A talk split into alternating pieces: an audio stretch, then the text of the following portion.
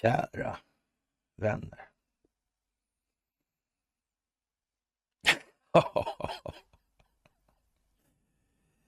ja, vad ska jag säga? Vad ska jag säga?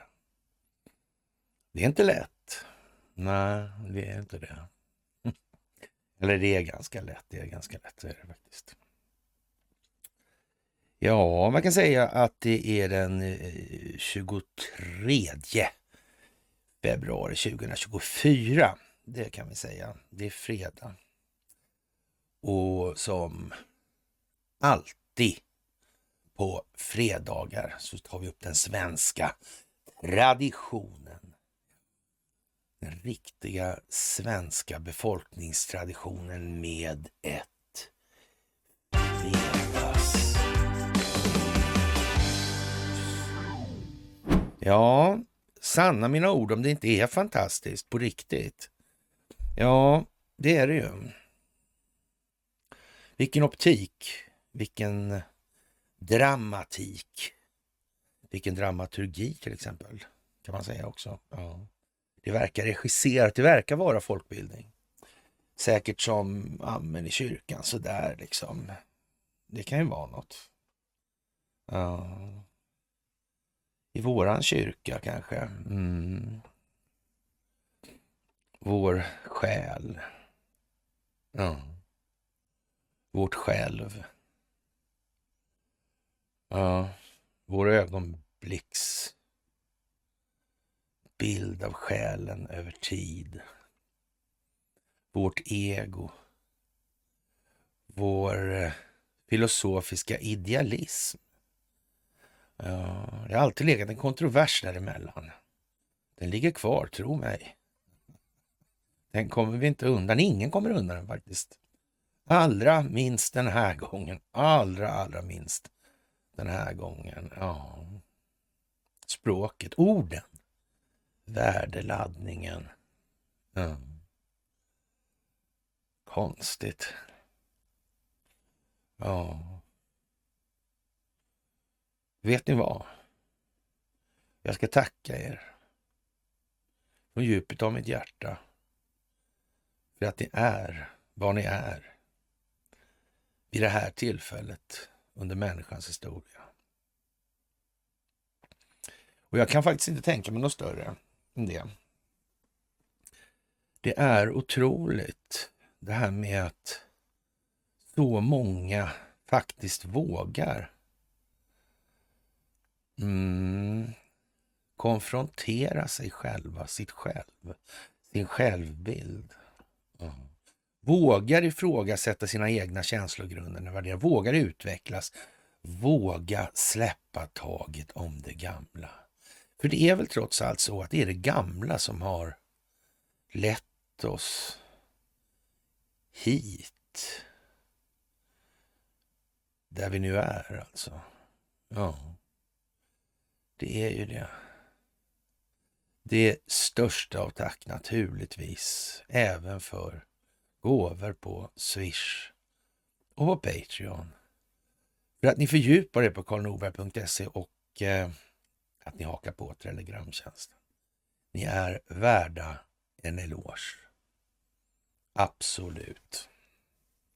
Ja, från slott till koja kan vi ju alltid börja med. Det går ju hem.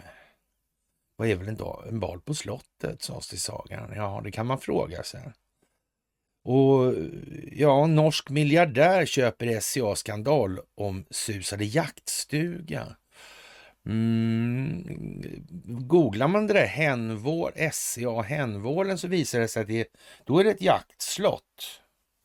Ja, det är ju lite olika det där alltså, vad det bedöms som. Men, men, men, eh, för all del, alltså, det är nog rymligt så det räcker och behöver. Och, och särskilt billigt är det ju inte heller.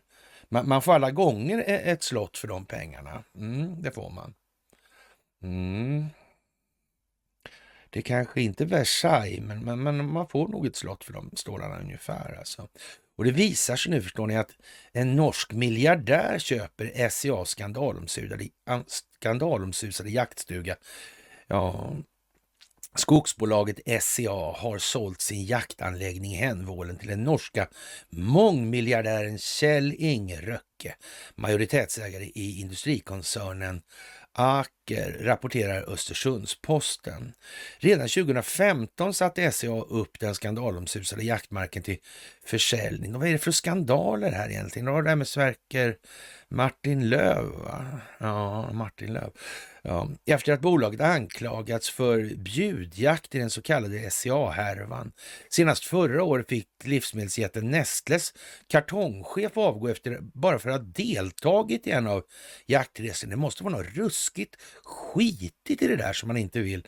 Men, men SCA vill ju inte tala om prislappar och sånt där på deltaganden och sånt. Nej, och den här arrangören av de här jakterna, han tar ju rejält betalt.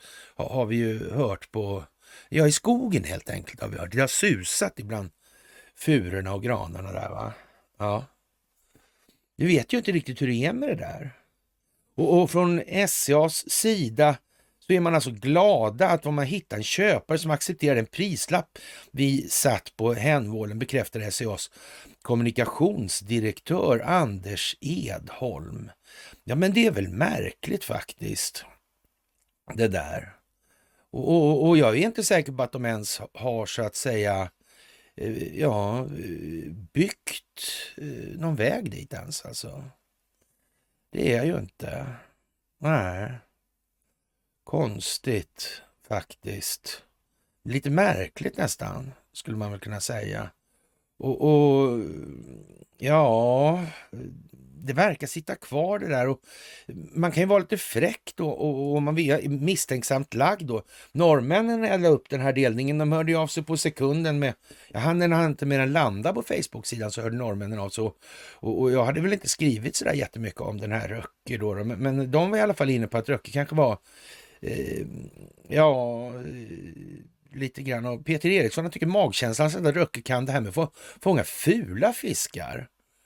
Ja, fiska kan han ju i alla fall, det har vi ju konstaterat. Det kunde man se på, på, på Wikipedia till och med. Ja.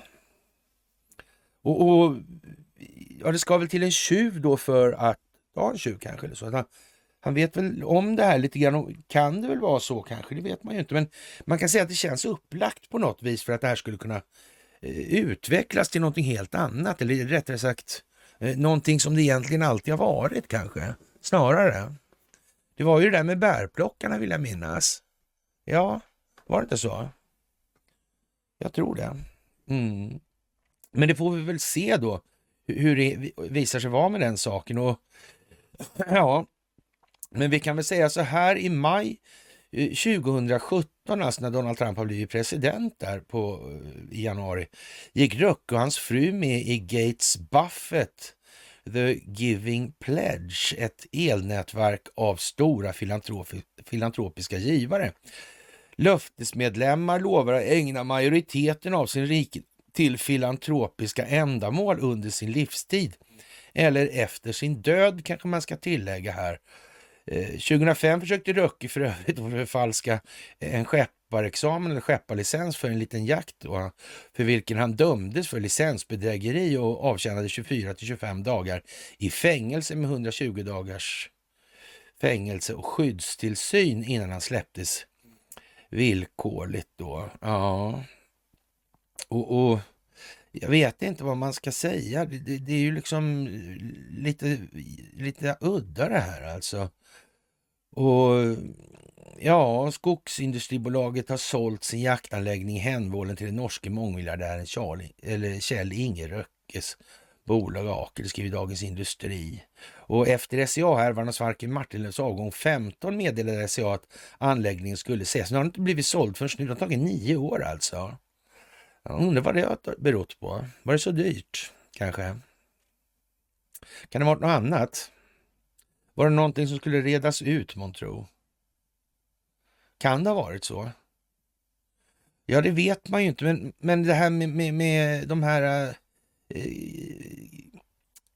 Gates alltså, var inte han, hade inte han någonting med sånt där att göra också? va? Det var väl med Epstein det, tror jag. Det var det. Och, och, och Gates hade väl kopplingar till Clinton och Epstein och såna här grejer, hade han inte det? Jo, jag tror det. Ja. Hon skildes väl därför tror jag. Ja. Tidningen säger, och skriver i alla fall, och, och Ja, du kan säga så här först istället. 2016 eh, tog SCA över hela ägandet genom att köpa ut Industrivärden och Handelsbanken. Och hur var det där egentligen med den här junioren, eller Jonas Martinlöv tror jag han heter va? Var inte han på Per Boman där om Per Boman var sugen att se några bilder ifrån en Spanienresa som de har? Vad, vad gör de på de här jaktresorna egentligen? Är det MTBH? Det var väl det de skrev va? Det var med tillbehören. Mm. Ja, det gällde ju i alla fall den här gången när den här äh, Nestle-chefen fick dojan. Uh. Han hade ju bara varit där, han hade ju betalat, allting var ju schysst annars, men sparken fick han direkt. Ja, det var ju konstigt. Vad kan det här vara, månntro? Ja, tidningen skriver i alla fall att man fick nästan 200 miljoner kronor, vilket motsvarar en reavinst på 130 miljoner. Samtidigt uppges det vara en förlustaffär eftersom SOB och Industrivärden investerat över 255 miljoner i anläggningen eh, som under åren skrivit ned med 155 miljoner till 70 miljoner. Ja, det här är ju jättekonstigt alltså. Faktiskt. Mm. Och man vet ju inte, kan det vara, det har ju gått nio år och de här jakterna har ju fortsatt där.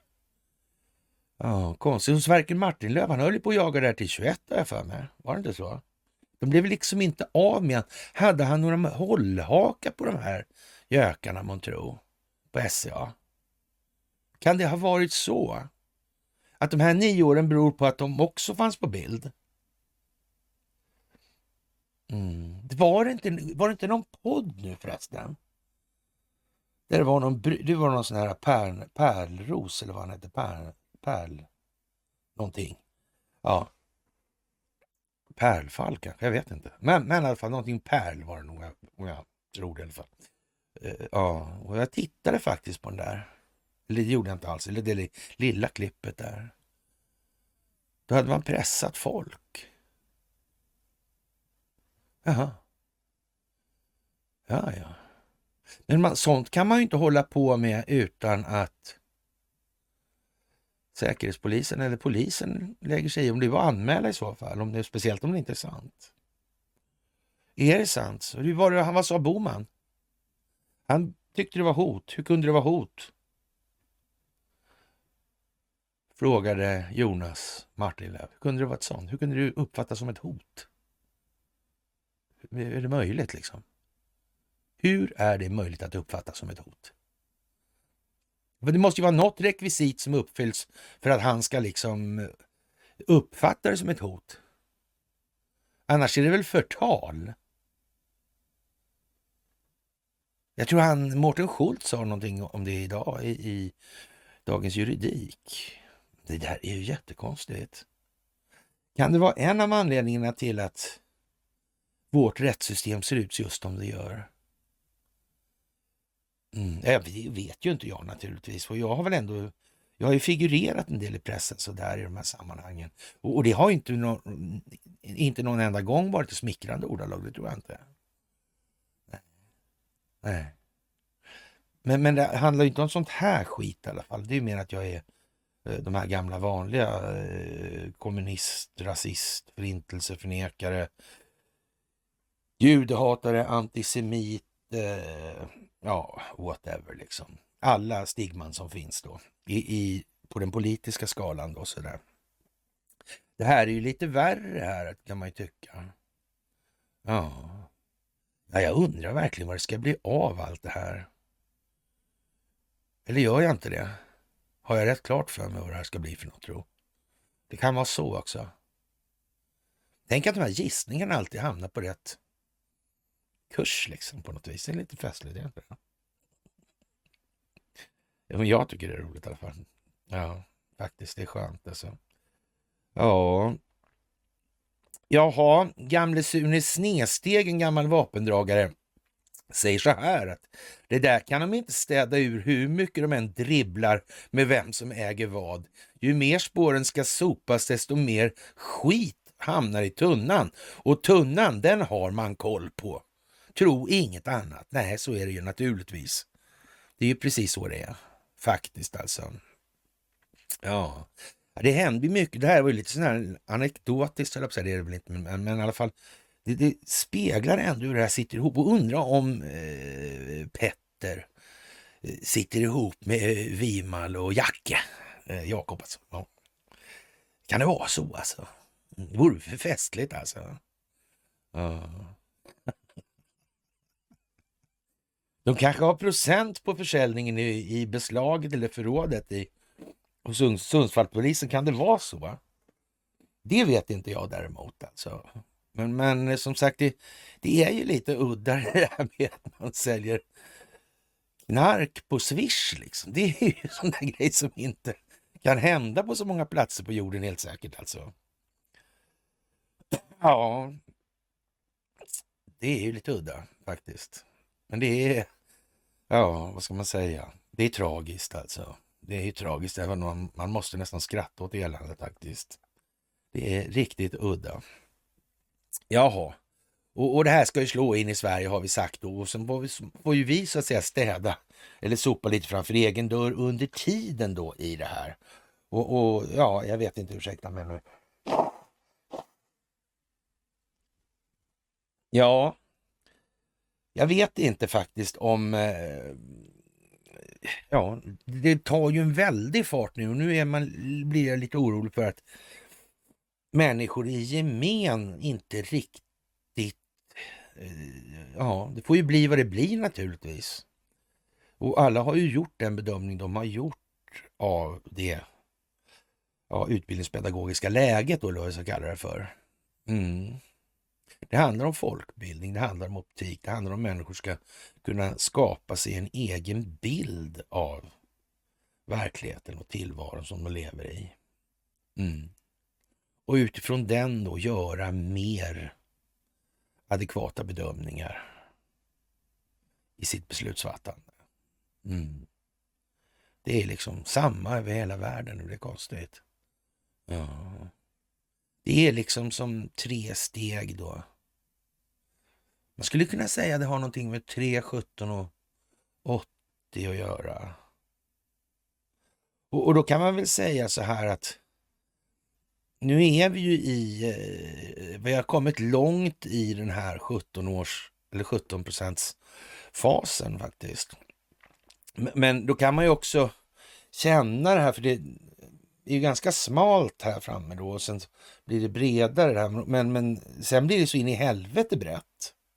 Och, och, och, det ska man ju inte sticka under stol med, i alla fall inte jag sticka under stol med, att jag känner en viss oro för om man ska se så här, vad de här, om man säger så här nedanför 50 då kanske, 50 procent. Det, det, den delen alltså. Mm. Inte de där kanske 30 ovanför 50, upp till 80 där. Men, men där, det, det känns som att det är, för det är ju naturligtvis så också, många har intuitivt en känsla av att någonting är helt käpprätt åt helvete i samhället idag. Men, men de har inga referensvärden för att, så att säga, bästa upp det här för att kunna korstabulera. Utan det blir bara liksom så här. Och, och visst, det finns ju det, det finns en poäng med att upplysa ändå, alltså i, i, på det allra minst pedagogiskt vettiga sätt. Alltså det finns ändå, någonstans måste det börja hos alla. Så är det också.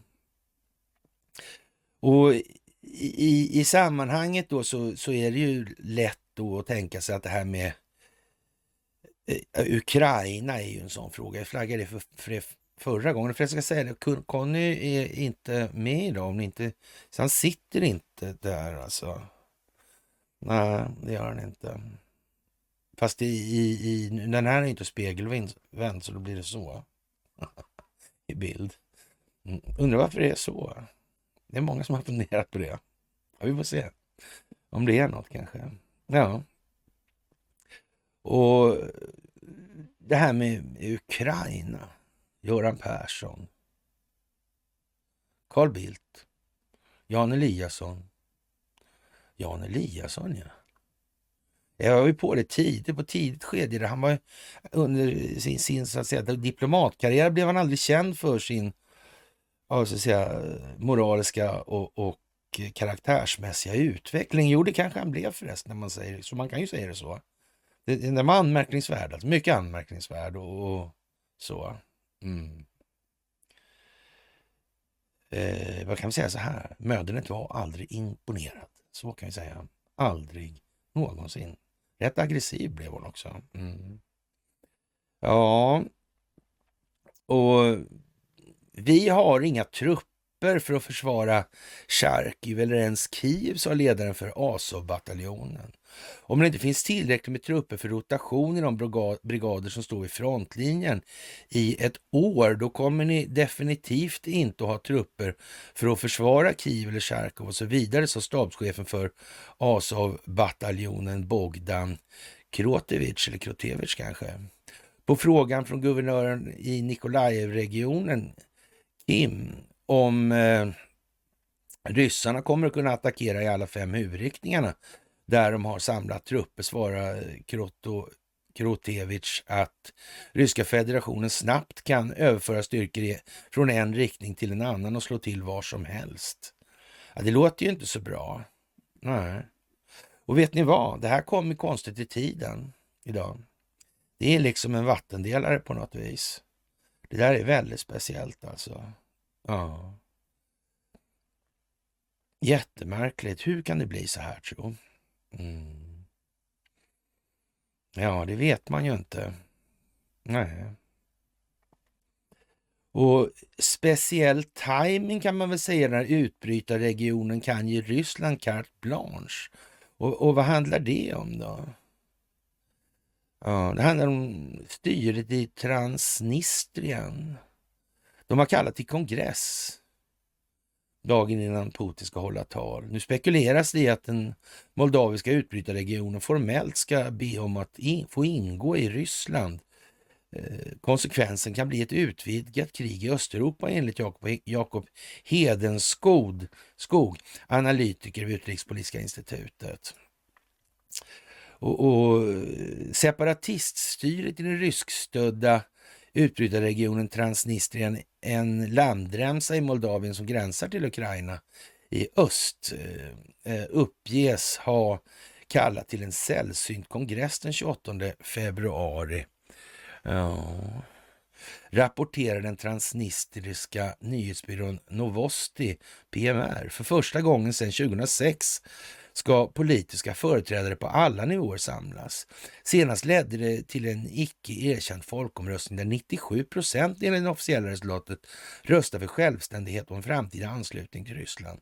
Ja, det verkar ju vara tid, det var ute i tid den gången då. Och, och, och, med det i bagaget så kan man väl nästan säga att de verkar ju vara på Eh, rätt plats i rätt tid med rätt utrustning just nu, skulle man kunna säga. Man skulle nästan kunna säga, kan det vara planerat det här? Eller det blev bara så just nu. Det är inte vid något annat tillfälle alltså. Nej. Ja, ja, jag vet inte, men det, det, det, får man väl väga av här nu. Men vi kommer tillbaka till det här. Och Ja, den här gången tycks bland annat den ekonomiska situationen i Transnistrien och effekterna av isoleringen från resten av Moldavien stå på agendan. Och mer detaljerat än så finns inte angående. Vanligtvis har sådana här kongresser sammankallas vid ödesdigra ögonblick, utropande av republiken, godkännande av konstitutionen, säger Alexander Karaman, tidigare självutnämnd vicepresident i Transnistrien, till den tyska regimvänliga tidningen Kommersant. Samtidigt spekuleras det bland eh, oppositionella i Transnistrien eh, om att ledningen formellt ska tillkännage att man vill ansluta sig till den ryska federationen. Eh, ja, en orsak till den här misstanken, det är tajmingen. Jaha, ja, jag tänkte väl. Ja. Dagen efter kongressen den 29 februari ska Rysslands president Vladimir Putin nämligen hålla sitt årliga tal inför den ryska federala församlingen. Och Ryssland har dessutom den senaste tiden intensifierat sin retorik gällande Moldavien i allmänhet och Transnistrien i synnerhet. Vad kan det bero på då? Tror? Jag, jag känner, jag, jag tänker på Strelkov, ja, men det kan ju vara, jag vet inte varför heller. Ja, han kanske, det är för han har blivit flintskallig liksom som en, ja, Mm, skallen inringad av hår. Jag vet inte. Enligt Jakob Hedenskog, då, analytiker vid Centrum för Östeuropastudier på Utrikespolitiska institutet, är det så här. Så, Så sent som förra veckan hotar Rysslands utrikesminister Sergej Lavrov för att eh, ja, man kommer tvingas att svara militärt om regeringen och Moldavien agerar på ett sätt som hotar den ryska militären eller våra medborgare i Transnistrien. Sa jag det att Conny var sjuk? Ja, han, han har... Ja, han har drabbats av inkurans i VA-gången helt enkelt. Så, mm. så då räcker det inte bara att gå och, och döma förpiken alltså. Nej, nej. Ja, i januari begärde den proryske eh, Vadim eh, Krash Noselski, som titulerar sig själv som president då i Transnistrien, utökade militärövningar och förhöjd beredskap. Tänk vad konstigt. Ja. Enligt eh, Krasnoselski så var det ett motdrag efter påstådda provokationer från regeringen i Moldaviens huvudstad Chisinau. Ukraina har i sin tur lovat att man kommer att svara militärt om Ryssland skulle involvera utbrytarregionen i kriget. Det verkar inte exakt som att den här Azov Leiran tycker att det verkar vara en god idé. Nej. Det har skett en gradvis upptrappning av retoriken och det kommer oftast först. Sen kommer andra aktioner, säger Hedenskog på UI där.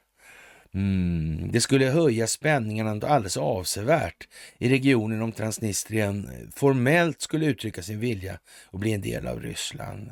Och vad ska någon göra åt det då, tro? Det är i alla fall ett extremt allvarligt läge för spridningen av kriget, säger han då. Ja, Ryssland skulle troligen tolka ett sådant besked som en förevändning att ingripa militärt Ja, om någon vill gå upp i Ryssland så ja, och vad ska någon göra åt det som sagt va? Det bestämmer väl de själva om de har, redan 2006 har bestämt sig för att utropa, utropa republik. Det tror jag. Mm. Och varför är Ukraina så tjuriga på det här? Ja, det kan vi komma tillbaka till alldeles strax. Det har med kartan att göra skulle jag vilja påstå. Det är i Ryssland en, ur rysk synvinkel ett carte blanche att agera. Putin är väldigt noga med att hävda att allting han gör är enligt lagen och by the book och därför hittar man hela tiden ursäkter, säger Jakob Hedenskog. Jaha, är det inte bara att motsäga att det där, det finns inga laglig, eller någon rättslig grund för de här handlingarna då? Om det inte är så alltså? Eller hur menar Hedenskog? Hedenskog kanske är en sån figur som ja, snart ska se sig om efter ett annat. Nu säger inte jag att Hedenskog inte spelar teater, för det kan han mycket väl göra. Ja. Men annars är det, ser det mörkt ut. Då ser han ut som en eh, gammal eh, professor i planekonomi när muren föll faktiskt. Ja. Han konstaterar vidare att Rysslands ursprungliga plan med invasion av Ukraina var att skära av landet från Svarta havskusten och ansluta Transnistrien med de södra delarna av Ukraina och Krimhalvön och vidare österut mot Donbass och Donetsk. Där kan vi ge honom en poäng. Absolut alltså. En militärinsats i Transnistrien är dock en svår operation för Ryssland. Man kontrollerar inga angränsande landområden till regionen och det finns begränsade möjligheter att flyga in militärt understöd eftersom det saknas en fungerande flygplats. I nuläget har Ryssland olovligen omkring 1500 soldater i Transnistrien, men det är knappast tillräckligt. Och, och vi undrar ju, vänner av ordning då naturligtvis, vad då olovligen? Olovligen för vem? Det verkar ju inte som att eh, Transnistriens befolkning och ledning skriker lungorna ur sig i protest. Hur kommer det här sig egentligen? Vem är det som är full med skit där egentligen? Det kan man verkligen fråga sig. Ja, ett angrepp skulle av allt, bedöma, eh, av allt att döma bemötas från olika håll. Därmed skulle kriget i ett sådant scenario utvidgas till ett moldaviskt territorium. Ukraina kommer att slå tillbaka och Moldavien som eh, har en för svag militär kapacitet på egen hand lär få stöd från grannen eh, och NATO-landet Rumänien. Ja, Anledningen är de nära kulturella banden mellan länderna, nationerna skriver man. Ja. Det kanske inte är så mycket med nationsbegreppet när det kommer till kritan. Det kanske handlar mer om länder, man vet ju inte. Det handlar om att Rumänien måste ställa upp för att man anser att man själv blir angripet om Moldavien blir angripet. Frågan är hur. Det får vi se, säger Jakob Hedenskog och fortsätter. Det väcker perspektiv på att detta skulle kunna bli en, större regional konflikt och även dra in NATO helt enkelt. Ännu en anledning till Rysslands upphöjda retorik kring Moldavien är att man vill skapa osäkerhet och turbulens inför presidentvalet senare i år och parlamentsvalet 2025. Sen 2020 leds Moldavien av den EU-vänlige presidenten Maja Sandu. I juni 22 fick man status som kandidatland i EU. Regimen i Moskva tar till alla medel för att eh, proryska krafter ska ta över makten i Moldavien och föra landet längre från väst. Det vore en triumf för Ryssland, säger Jakob Edenskog. Ukraina i sin tur har lovat att man kommer att svara militärt om Ryssland skulle involvera utbrytarregionen i kriget. Det har skett en gradvis upptrappning av retoriken och det kommer oftast först. Sen kommer det andra, Se Hedenskog. Det skulle höja det här avsevärt alltså. Ja. Mm. Ja, jag vet inte riktigt. Det är ju jättekonstigt alltså. Verkligen. Mm. Det där är ju jättemärkligt alltså. Mm. Mm. Konstigt alltså. De har en demilitariserad zon också. Ja.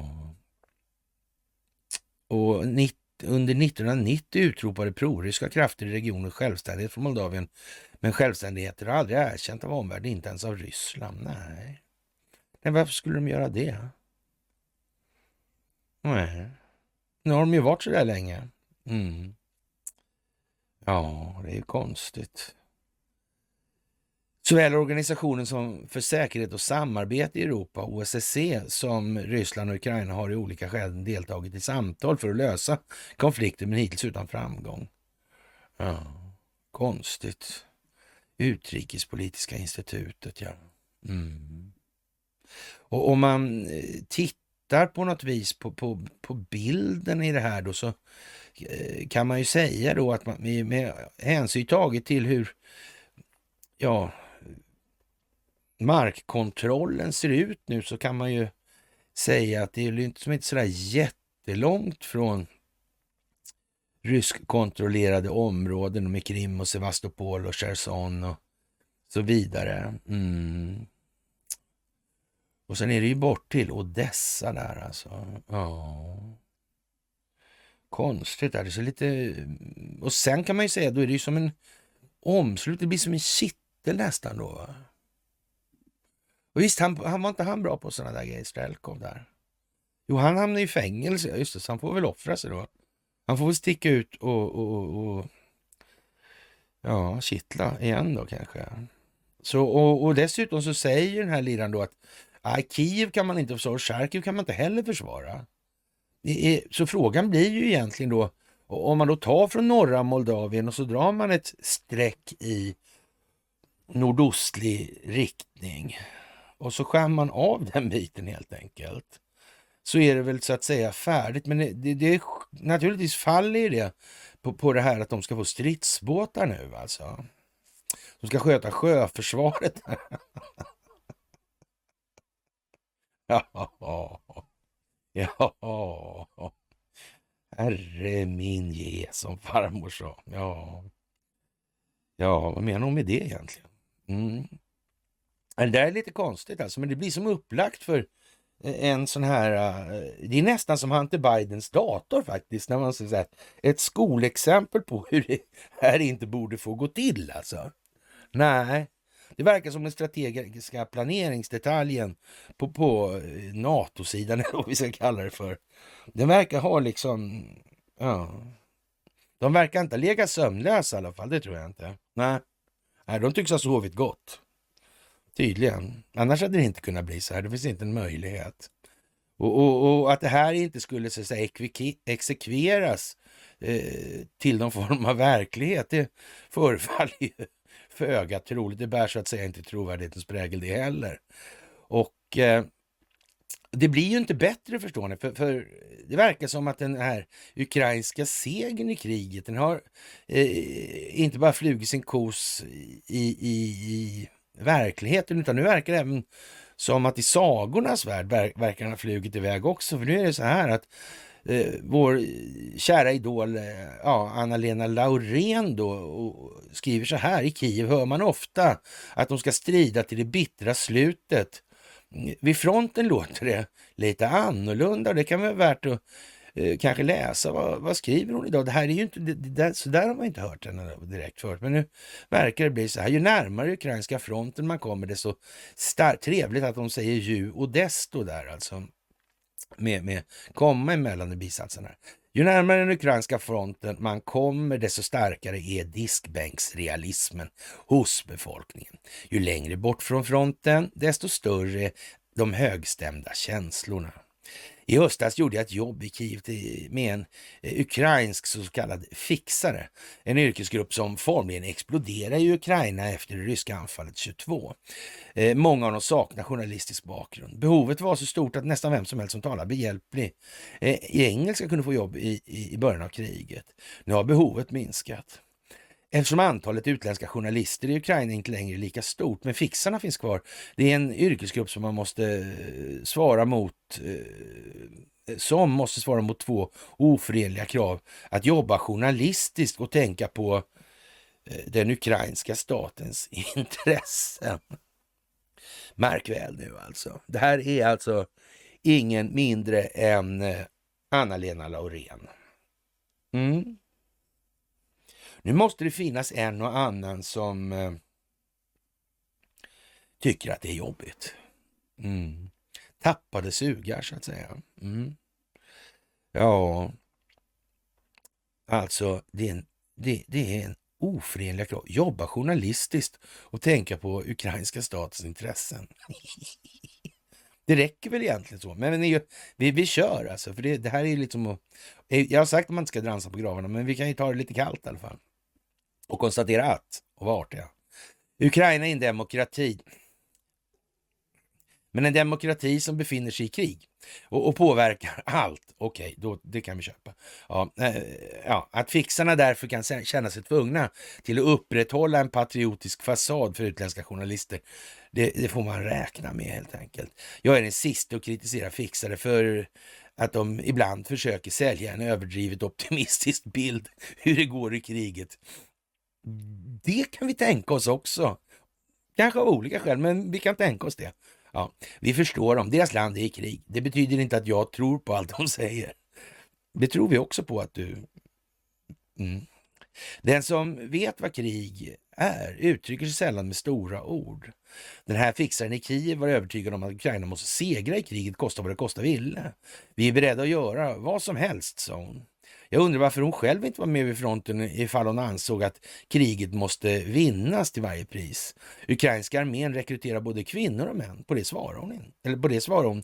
Jag skulle gärna skriva in med armén, men min mamma vill inte. Nej, men det finns ju, så, det finns ju svenskar som är också. Vi måste försvara oss när ryssen kommer. Eh, har du anmält dig till hemvärnet nu då? Har du, vad ska du göra? Det Är de andra som ska kriga för din skull eller? Ja, det blir... Jag vet inte. Det där med filosofisk idealism kontra filosofisk materialism. Alltså, det är skitstank i det. Så ja, den kommer fram nu när de här excesserna, alltså vid vägs ände eller när saker dras till sin spets eller mellan skål och vägg. Det, det sipprar fram den här jävla lukten alltså. Ja. Mm. ja. Man kan säga att det är själar i, stadda i förruttnelse. Ja, det kan man säga. Faktiskt. Ja. Eh, I Kiev hör man ofta den här övertygelsen uttalas om att Ukraina ska strida till det bittra slutet. Framförallt av personer som själva bor i uppvärmda lägenheter och går till jobbet om morgonen. Däremot hör jag sällan eh, samma ord uttalas vid fronten. Det betyder inte att personer i frontområdet eller soldaterna vill ge upp. Eh, de bara inte formulerar sig på det sättet. Allt som luktar patos eller agitation skyr de instinktivt. De vet vad krig är och uttrycker sig sällan med så stora ord. I Dnepro träffade jag nyligen Juri Bereza som, som år 2014 grundade frivilligbataljonen Dnepro 1. Sex år senare när Ryssland anföll Ukraina på bred front var det kö till hans kontor för att skriva in sig. Nu finns Dnepro 1 inte mer som bataljon, den har blivit en del av ukrainska armén. Bereza själv har efter sju hjärnskakningar lämnat armén och fördriver tiden på sitt mestadels tomma kontor. 40 procent av ukrainarna är vid fronten eller kämpar i kriget på andra sätt. 60 procent skriker vad är motoffensiven? De utkämpar kriget i sina telefoner och förstår inte vad som händer vid fronten, säger han. Ja, enligt Bresa är en stor del av ukrainarna fortfarande inte medvetna om realiteterna. Nej, det är väl det som är grejen och vi har sagt det. Hur, hur är det då egentligen? Zelenskyj i sin tur, han verkar vilja göra allt för att slippa påminna stadsbefolkningen om att ett krig pågår. Jag vet inte, varför, varför publiceras det inga bilder egentligen från det här kriget? Kommer ni inte ihåg hur det var det Irakkriget där med... Man hade till och med en egen irakier, Bagdad Bob, anställd på CNN för, för att sköta marknadsföringen av det här jippot. Och tänkte hon... Eller tänk, kommer ni ihåg den här toke, Tokan? Nästad, eller vad fan heter han?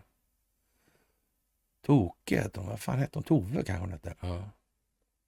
ja. hon blev ju väldigt berömd för det där. Hon var ju fantastisk.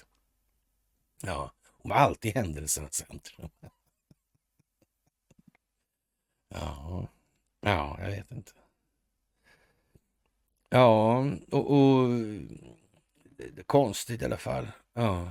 Det är i själva verket ingen dålig sak att Ukraina fortfarande har städer där man kan leva någorlunda normala liv. Tvärtom är det bra för ekonomin, men klyftan mellan de delar av Ukraina som lever nära kriget och de regioner som inte berörs på samma sätt, det är ett, de är ett faktum. Nu föreslår president Zelensky att de eh, som inte deltar i kriget istället kan betala en slags skatt. Mm. Ja, men är inte det konstigt alltså? Arbetsgivarna ska betala motsvarande 520 dollar per anställd i månaden för de som inte eh, kommer att skickas till fronten.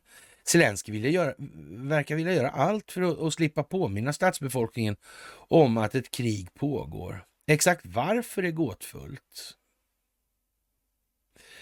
Ja, framförallt med tanke på att Zelenskyj själv en gång visat prov på personligt mod. Han verkar tro att det går att skydda en del av befolkningen från eh, frontverkligheten. Det kommer inte att lyckas. Ja, vad ska vi säga egentligen? Mm.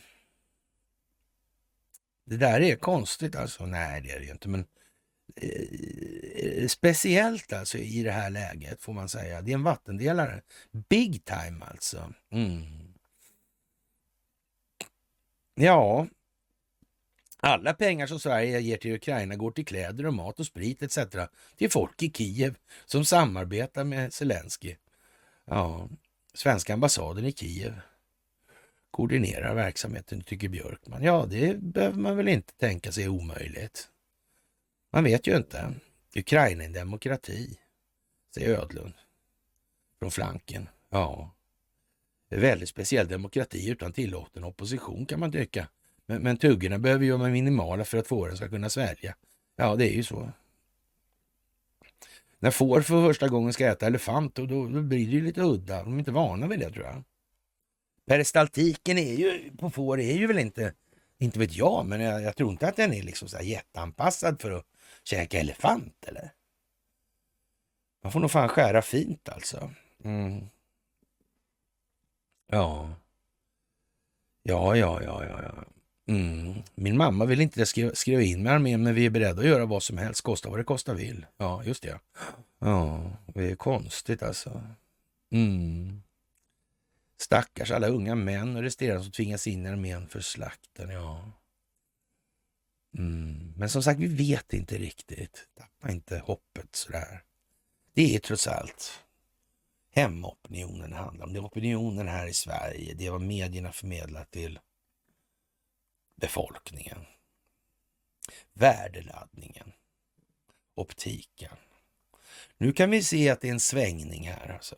Och som sagt, vi är inne i andra fasen alltså. Om vi kallar den första fasen för 3, den andra för 17 och den tredje för 80 då. Mm, vi är inne i den andra nu alltså. Men den är ju som sagt inte helt rätlinje utan det går ju i varandra så här, då, eftersom Eh, om man ska säga gränssnitten är flytande, de rör sig. Det är inte säkert att alla där nere fattar sämre alltid än de längst ner i det ovanför. Det är inte säkert. Det beror ju på vad de har levt för liv. Så det här flyter ju. Det är en flytande skala. Och det måste man komma ihåg nu. Och det här måste liksom anpassas efter att det faktiskt är så.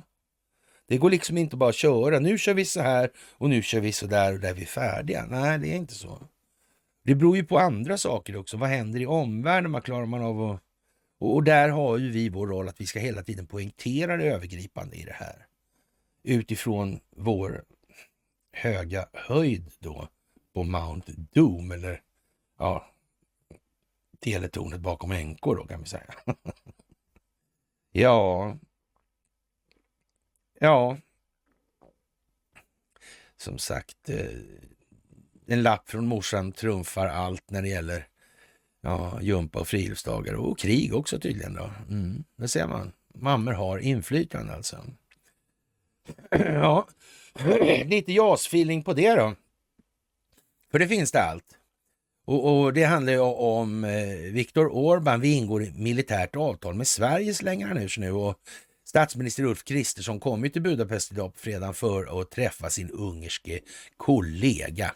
Vi ingår en seriös militär och militärindustriell överenskommelse, säger Orban till Kossuth Radio inför mötet enligt skriftliga referat i ungerska medier. Länderna kommer att behöva acceptera varandras olikheter, säger premiärministern vidare. Han beskriver det eh, som att Ungern har kristna familjeorienterade värderingar som skiljer sig från Sveriges. Det kan man tänka sig att det har alla andra länder faktiskt någonting annat än vad vi har. Och, det vet inte jag om vi ska ta som intäkt för att vi är mycket bättre än alla andra länder på hela jorden. Jag är inte säker på det faktiskt. Eh, ja, som skiljer sig från Sveriges värderingar i alla fall. Och, eh, som att Sverige förespråkar mer, i, mer krig i Ukraina, eh, där Ungern enligt eh, Viktor Orbán då förespråkar fred. Ja, det är väl ingen snack, så de lämnar inte vapen dit och, och, och, så, men eh, vi har ju några flådiga billiga plan där som kanske eh, ja, Viktor vill ha alltså. Jag tycker Viktor ska få några plan där. Men han kan göra det, den här bromsdelen där kan, vi, kan han ju sätta till då. Mm. Det är ju konstigt. Han, har ju lite, han får ju lite momentum i det här alltså. Eller leverage då. Och om Sverige inte försöker tillrättavisa Ungern och säga åt ungrare hur de ska leva så kan länderna samverka inom en militär allians. Och, och eh, jag vet inte om hur ska liksom NATO se på det här då? Om, om Sverige håller på och säger åt då, de massa saker hela tiden. Jag menar, släpper man in Sverige då, då kommer det onekligen att leda till att om Sverige fortsätter att säga till Ungern vad de ska göra så då blir det väl vad det blir då. Mm. Och han kanske vill ha fler flygplan, Orban. Ja, man vet ju inte. Och man kan väl säga att de vapensystemen då, all den stund han vänder sig till Ryssland i en omfattning inte nu alla fattat att han redan har gjort det. Så. De vapensystemen kommer ju behöva, ja, vad ska vi säga, ja, remodifieras. Mm. Remo, militärförkortning. Mm. Sådär. Ja, vi kommer att färdigställa det här idag och på måndag kan det ungerska parlamentet sätta den sista punkten på kontraktet. Ja, och eftersom vi inte ska ingå ett äktenskap utan en militärallians så kommer vi att kunna komma överens utifrån gemensamma intressen, säger han. Ja, det är väl inte så konstigt. Sverige har ju liksom ett intresse i det att sälja vapen, även om det inte är Sveriges intresse utan Investors och familjen Wallenbergs intresse. Det är helt säkert. Ja. Det är inget snack om. Och, och, det är ju det viktigaste i det här. Det har alltid varit så, sedan 1600-talet. Ja. Är inte det konstigt? att det har kunnat bli så då. Eller kanske inte är så konstigt. Nej, ingen har en sån historia som vi har i alla fall i det sammanhanget. Sveriges statsminister var i Bryssel på torsdagen och sa då att det inte kommer att ske några förhandlingar med Ungern om NATO-medlemskapet i en kort kommentar till svenska journalister då. Däremot ska vi diskutera många gemensamma angelägenheter inom försvar till exempel. Ja, sa Kristersson. Tänka sig alltså. Han och Viktor Orbán håller en gemensam pressträff i Budapest vid lunchtiden nu alltså. Mm. Ja, vad ska man säga egentligen? Jag vet inte. Ja, det är inte så otydligt i alla fall, tycker inte jag. Och 62 000 personer här hemma då i Sverige eh, anses knutna till gängkriminaliteten. Och det borde väl implicit innebära att det måste finnas i alla fall en eh, liten del korruption i, inom de institutionella delarna av samhället för att det ska kunna ens möjligen existera. Är det inte så? Ja. Mm. Jag vet inte, men det kan ju vara så i alla fall. Märkligt. Mm. Och Joe Biden, och, eller vad ska vi kalla honom för egentligen, och underlivsporslinet, men, men eh, mm. Amerikas förenta stater lägger sig inte i eh, Rysslands affärer naturligtvis, säger man ju gång efter annan. Och det är ju självklart alltså. De gör ju inte det. Amerikanska residenten Biden träffade Julia Navalny. Mm. Änka efter en oh, salig hädangång, eller vad det nu är för någonting. Man kan säga så här att om det kommer fram då, ja, att Navalny har så att säga åkt tillbaka till Ryssland, det vet de ju så. Men det var ju naturligtvis frun som lurade honom, säger Navalnys mamma. Då. Ja, det måste hon nästan säga. Mm, men förr eller senare kommer folk börja undra hur fan det här kommer sig egentligen. Och, och till slut kommer till och med en del tröga människor inom den djupa staten att förstå att de är lurade. Att Navalny nog kanske faktiskt har, ungefär som Bill Browder, han som anmälde Swedbank för penningtvätt, han som ligger bakom Magnitsky-akten, den som har eh, gjort så att alla ryska oligarker som har plockat ut pengar från Ryssland har fått sina tillgångar fry, frysta. Det var ju konstigt. Mm. Ungefär så kan man nog säga. Lite maskirovka över det där. va? Lite sån feeling är det nog, måste jag säga. Mm. Och, och, eh, ja, USA har ju annonserat då, eller Victoria Nuland då har eh, annonserat nya eh, sanktioner mm, i anledning av det här frånfället. Eller salig hädangången. Ja, äh, det, det där är lite speciellt. Och en konstig grej till, alltså en konstig grej till, det är ett det finns sådana små filmer på Vladimir Putin som är ute på uppflyg med ett bombplan, då, så en T160M alltså. Tupolev. Och ja, och när han var uppe och flög där med den här, då blev det jättekonstigt, för då blev det liksom eh, ja, avbrott i telekommunikationerna i USA. Mm. Så det är konstigt. Tänk om det har med telekrigföring att göra det där. Tänk om det är så. Det vet man ju inte. Nej, och Kreml publicerar de här filmerna. Mm.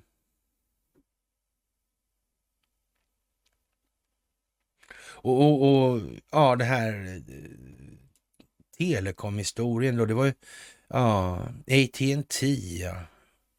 AT&T. Mm. T-Mobile och Verizon. Alltså hitta kopplingarna till Ericsson på de där, det kan man ju säga det behöver man inte vara Kalle Blomqvist för, nej. Det gör man inte. Ja. Konstigt det där. Och det här är samtidigt alltså. Och dessutom blir det ännu värre när USA landar på månen för första gången sedan 72, uppger NASA. Ja. Och, och, men de har döpt den till Odysseus. Ja, var inte han som Odysseus, var inte han som sirenen och cyklopen och allt vad det var? Ja. Iliaden och Odysseen och det där. Var, var inte någonting med sånt? Ja. Men det var ju egentligen bara metaforer. Allt det där. Ja. För mänsklighetens själsliga dispositioner. Cykloper, liksom. Undrar om de är enögda eller är de inte det? De har vidsyn. De är inte trångsynta. De ser långt, bra avståndsbedömning. Alltså inte, nej, nej. Det krävs två. Ja, för, ja, ja alltså. Det är ju så. Man vet ju inte, kanske någon har tänkt på det där. Och det här är ett jättestort kliv framåt för hela mänskligheten, säger NASAs administratör Bill Nelson enligt Sky News. Och det får vi väl hålla med om att det är det ju. Onekligen. Mm. Faktiskt. Och eh, mm, det är första gången som en rymdfarkost konstruerad av privata företag genomför resan. Ja. Det behöver ju inte vara osant något av det här. Nej. Ja, ut, ja som sagt. Mm. Det är första gången sedan 72 det här man gör här. Mm. Man gör alltså samma sak som man gjorde då, då om man ska tolka det så istället. Mm. Ja, och Odysseus har byggts av företaget Intuitive eh, Machines. Mm. Ja, det kanske så säger något också, jag vet inte.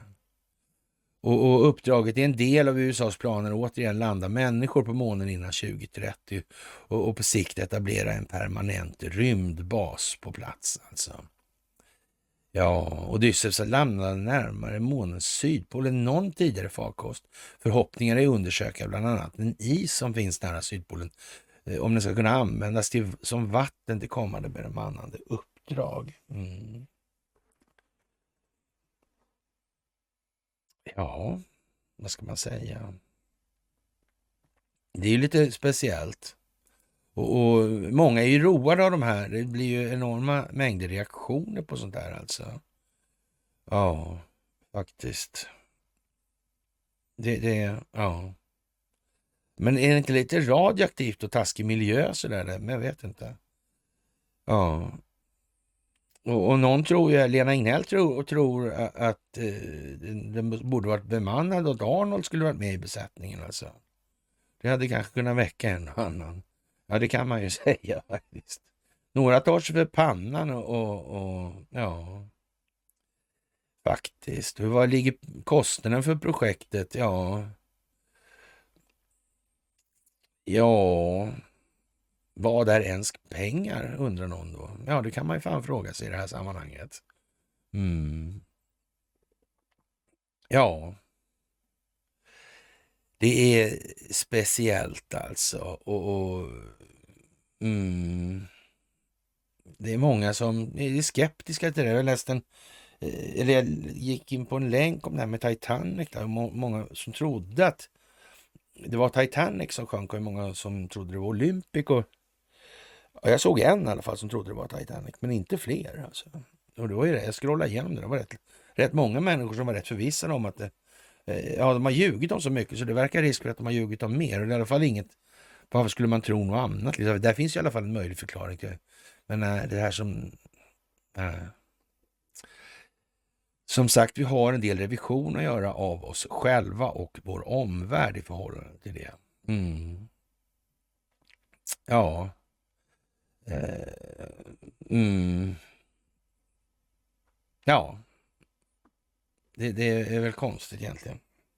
Det här överhuvudtaget, det där med att tappa bort ritningarna och ja, och, och 52 år sedan då så hade man ju ett kamerateam då som stod på månen när man landade. Och, mm.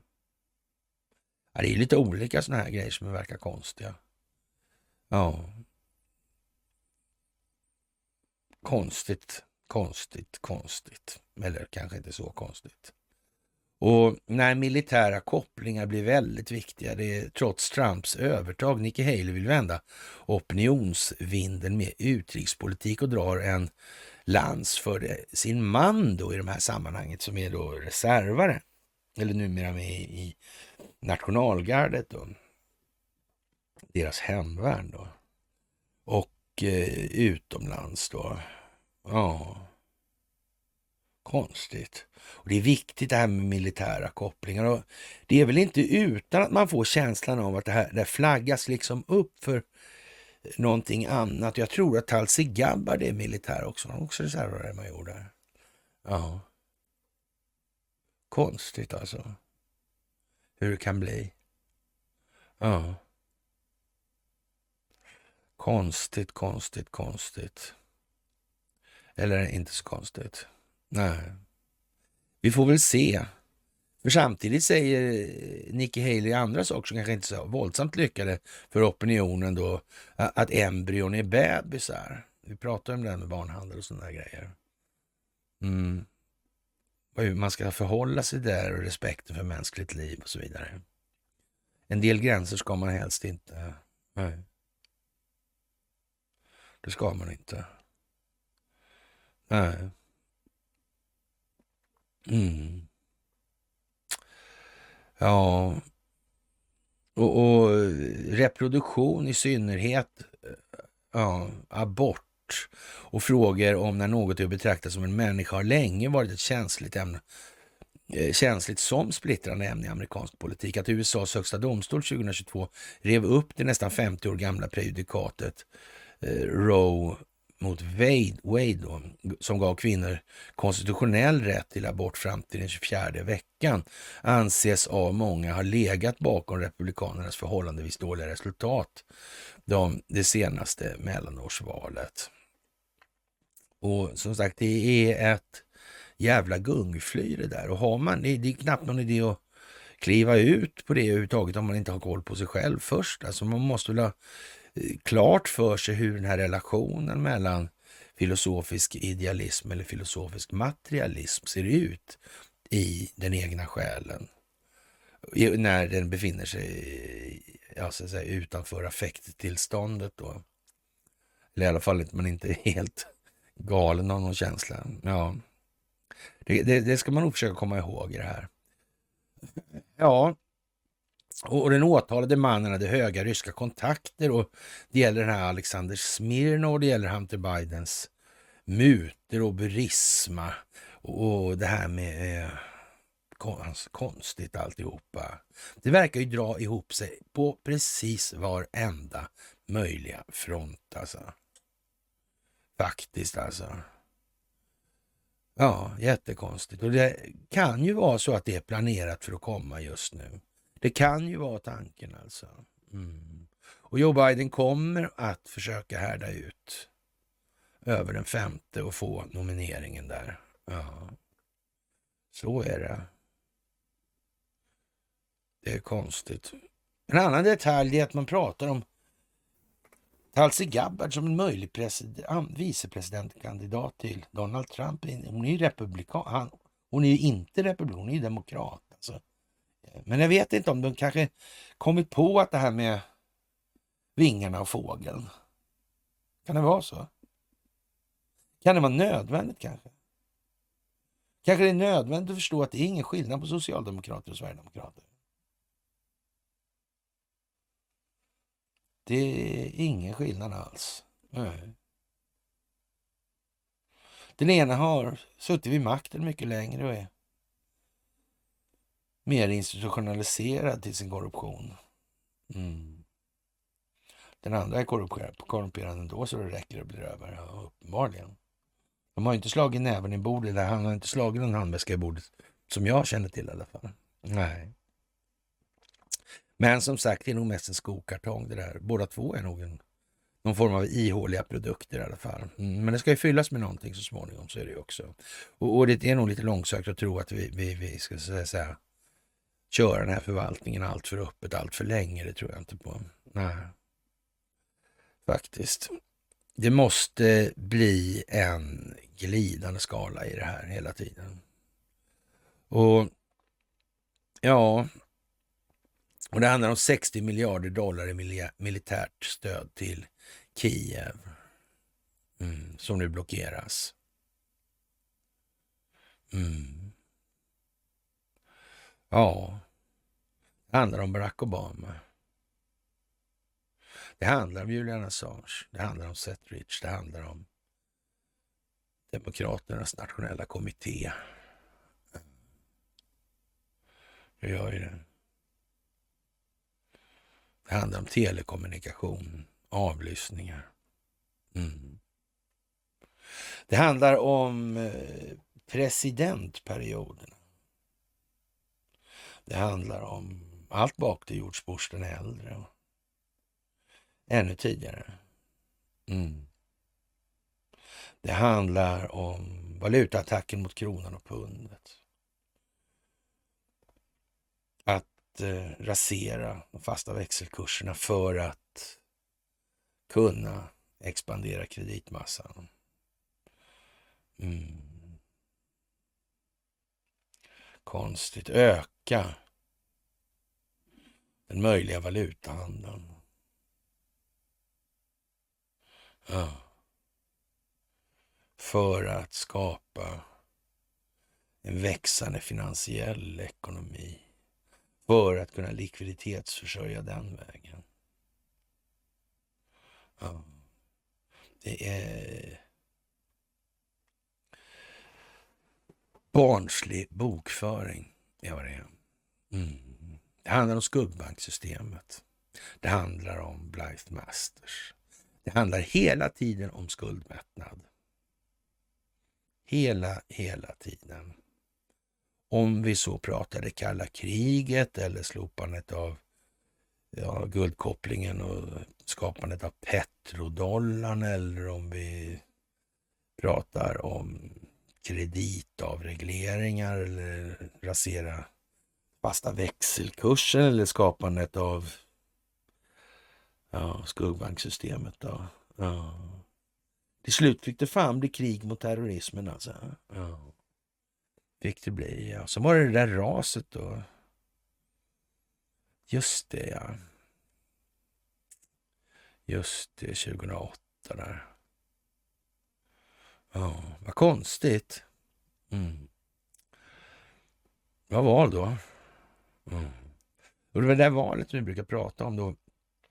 Det verkar vara som att man ville att det skulle rasa på något vis. Men det blev inte så. Och, och, och sen i förlängningen på det så blev det liksom... Och det där var ju så tokigt med den där... Uh, det var, han var helt barock, helt enkelt. Det var helt galet. Det var ju allt från att han inte ja, ens var amerikansk, möjlig amerikansk medborgare. Alltså det var ju inte det rätt. Alltså, sen var han eh, gift och, och, och, och, hon han var gift med var ingen hon, det var han. Och, och, och, ja, sen rökte han crack och så. Det, var ju, det är ju ingen hejd liksom. Det har ju aldrig varit så. Men det kanske berodde på internet, det vet inte jag alltså. Nej. Men det verkar precis som att ja, efter den där ja, Eh, barocka personen då, så kom ju Donald Trump som bara, bara glider in. Och kommer på en dag liksom, jag ska slänga ut den djupaste. Men vänta nu här.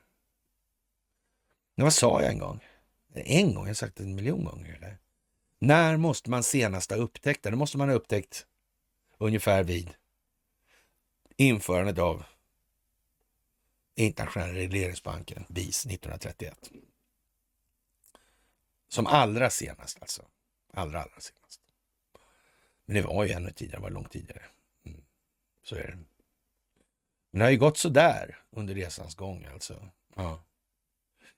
ja, Tullverkets generaldirektör tvingas lämna sin post. Se där ja, se där ja. Ja, och Charlotte Svensson har gjort flera viktiga insatser för Tullverket, inte minst genom att stärka det underrättelsebaserade arbetet. Ja, hennes företrädare sa en gång till en ny medarbetare eh, att eh, ja, mm, ja, vi kan kalla henne för Karina. Eh, Karina kom in till mig, är du snäll. Karina. Ja, är ju väldigt akademisk och sådär. Så hon går in till chefen där och, och, och så. Och, ja, sen så här, en sak så är ha klart för alltså, jag har eh, lön för att vara på jobbet. Ja, ja, sa hon sådär. Ja, men eh, ska jag göra något då vill jag ha betalt också. Ja, sa hon. Så. Jag noterade det liksom. På den vägen är det. Hon pysslar ju alltså med ledarskapsutveckling på Tullverket. Då. Mm. Det har ju gått väldigt bra det där och, och, det ser man nu när då den här Charlotte Svensson har stärkt det underrättelsebaserade arbetet. För det arbetet var så här alltså att när jag ställde en fråga till vederbörande där då, eh, angående den här jävla underrättelsetjänsten de höll sig med. Alltså, så, så eh, skruvade hon besvärat på sig och sa eh, ja, någonting i stil med att det är, är, trots allt väldigt lätt att överskatta ambitionsnivån alltså. Ja, och jag förstod väl ungefär vad, vad, vad hon siktar då. Mm. Och enligt regeringen har beslutet fattats efter samråd med Madame Svensson här och, och, som blir generaldirektör i regeringskansliet.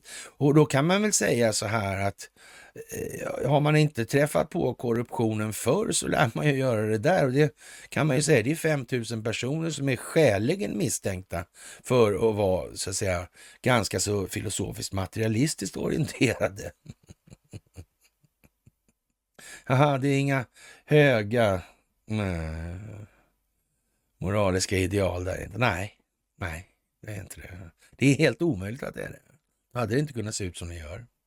Nej, det är väl konstigt alltså.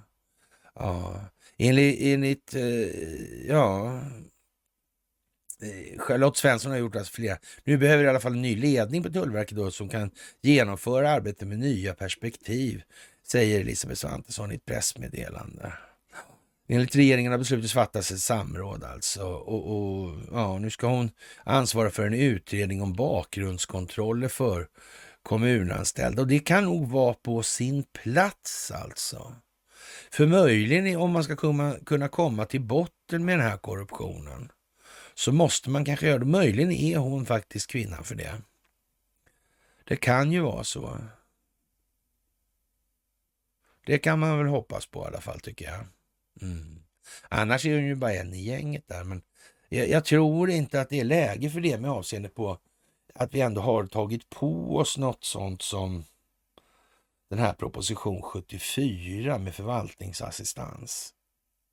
Man skulle ju kunna säga att det skulle se jävligt olyckligt ut om vi tog hit då när förvalt, bad om hjälp av den här förvaltningsassistansen och sen så visar det sig att eh, det är så jävla korrumperat i leden där så det ställer till ja, problem eller kanske rent av skadar amerikanska militära intressen. Då kan man säga, då blir det ju inte bara dålig stämning. Nej. Man får nästan utgå ifrån att man har planerat för att motverka sådana eventuella möjligheter. Tror ni inte det? Jag tror det i alla fall. Och det är jag ganska fast i min tro. Och, och Jättekonstigt alltså, för Charlotte Svensson har vid flera tillfällen under de senaste åren varit föremål för hård intern kritik alltså. Och det kan man väl tänka sig då att det här gänget då som eh, ja, med lättöverskattad ambitionsnivå kanske inte blev så där jävla förtjusta. Ett exempel är ett brev som sommaren 22 undertecknades av 23 gruppchefer i Region Syd. Där ifrågasatte Svenssons ledarstil och, och myndighetens nya arbetssätt och utvecklingen beskrevs som en stor fara för Sverige. Och, och det kan man ju faktiskt förstå, men det beror lite på hur man ser det här med Sverige och landet och vad som är farligt. Man kan väl säga så här, om, om man är korrumperad och det kommer någon som försöker rätta upp det där så kan man ju säga att den gängse ordningen blir kraftigt ifrågasatt. Det är väl själva poängen med det här. Faktiskt, ja. Och nyligen meddelade Tullverket att man under förra året beslagtog över 11 ton narkotika, mer än någonsin tidigare. Det i sig borde väl i alla fall vara en indikation på att någonting har hänt. Och, och Det kan ju möjligtvis vara en indikation på att eh, ja, man tidigare inte haft rikt, de riktigt rätta ambitionerna. Så kan man väl tänka sig. Ja. Men det vet vi ju inte alltså. Men det kanske är det man ska ta reda på. Mm. Och som sagt, ny vikarierande generaltulldirektör blir Johan Norman, idag överdirektör för Tullverket, som i nuläget inte vill kommentera tillträdandet.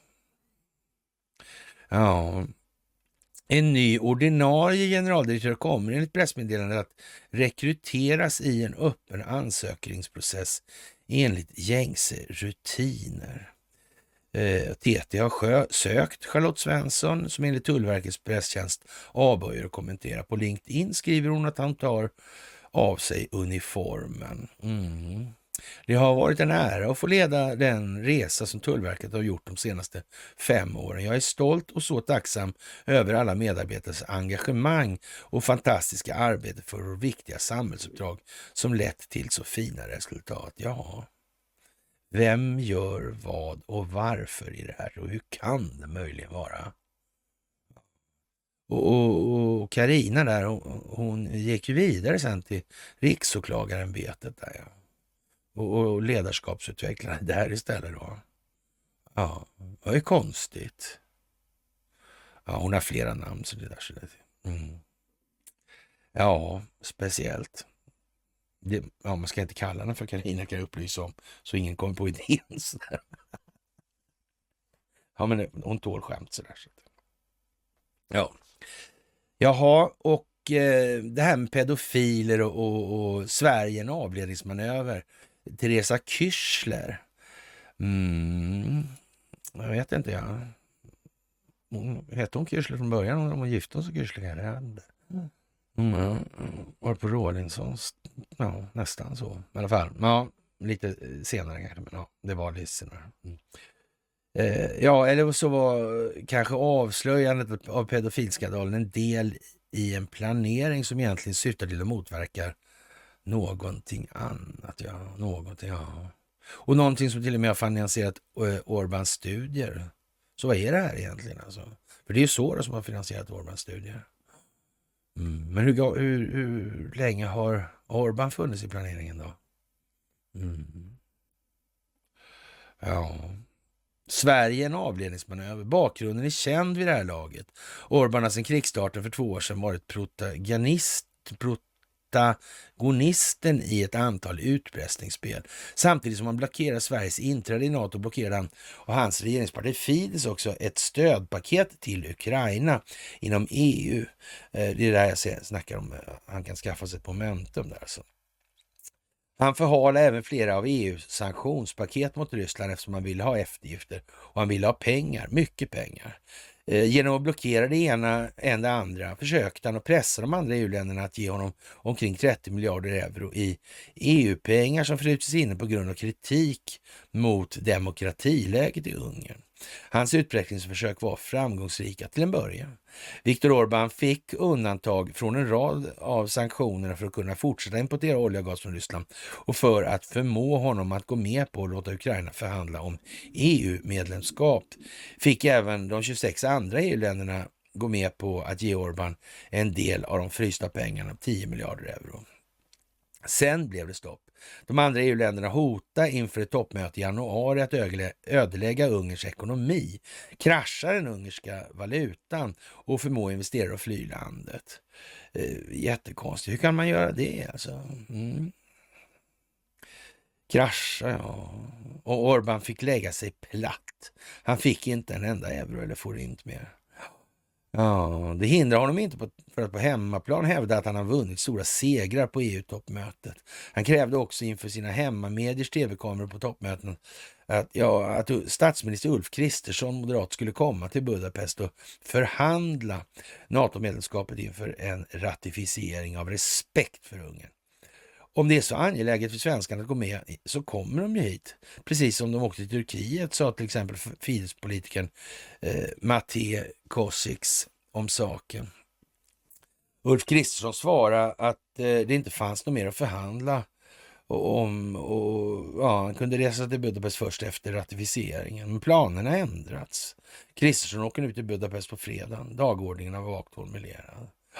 Eh, vi ska inte förhandla om NATO-medlemskapet. Däremot ska vi diskutera många gemensamma angelägenheter inom försvar till exempel, sa Kristersson i ett uttalande till svenska medier i Bryssel denna vecka. För Orban är Kristerssons besök ett tillfälle att visa upp för sina väljare att han fortfarande kan ge order.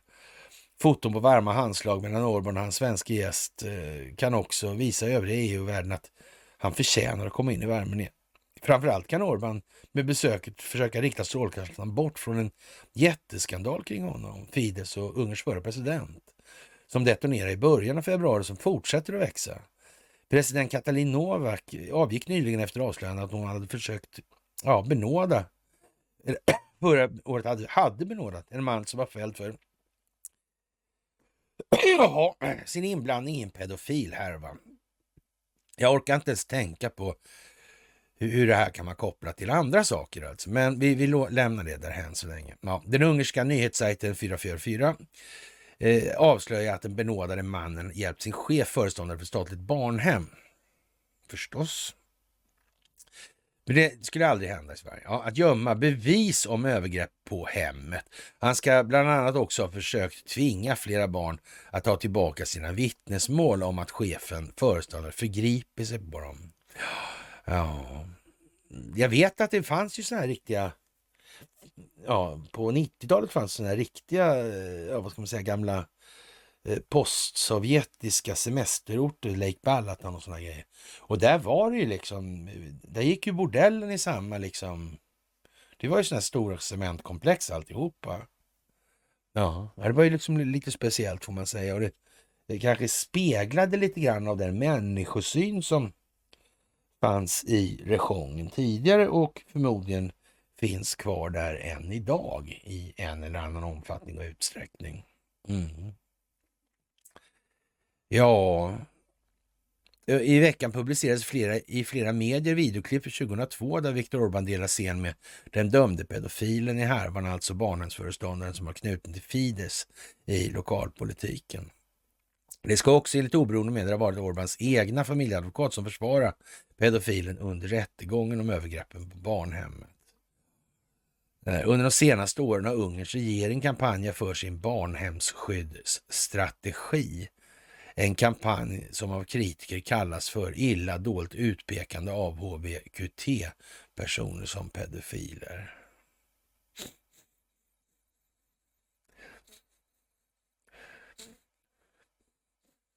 Jo, oh, det luktar. Det luktar. Mm. Ja. Att då som premiärminister ha kampanjat för en senare dömd pedofil samtidigt som presidenten också benådat pedofilens medhjälpare i en skandal som Orban har svårt att vifta bort. Ett besök från en svensk premiärminister med handskakningar och utspel om vänskap och överenskommelse kan ge Orban en paus från kölhållningen av honom i pedofilskandalens spår. Ja,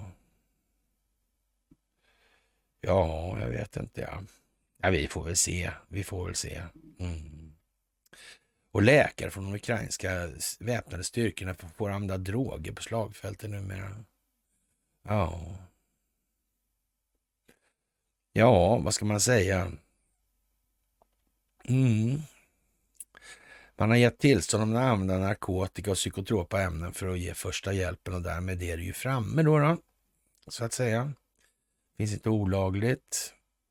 Ingen olaglighet, finns rättslig grund för det där. På plats. Ja. Och texakanerna vill gå ur, säger man. Ja. Mm. Det här med federala rollen alltså. I termer av maktkoncentration. Vad säger konstitutionen? Ja, och man eh, har kommit fram till nu att eh, en brittisk ubåt saboterade North Streams. Ja, jag vet inte. Nordic Times är ju inte någon sån här eh, höjdargrej kanske. Nej, jag vet inte. Det får vi ta med lite nypa salt. Gruva salt kanske till och med. Ja. Och, och Vladimir Putin svarade på ja, Joe Bidens fräcka uttalande om att han var en galen jävel alltså. Och, och ja, han kallade det här, det här uttrycket för en, en tillräcklig reaktion alltså.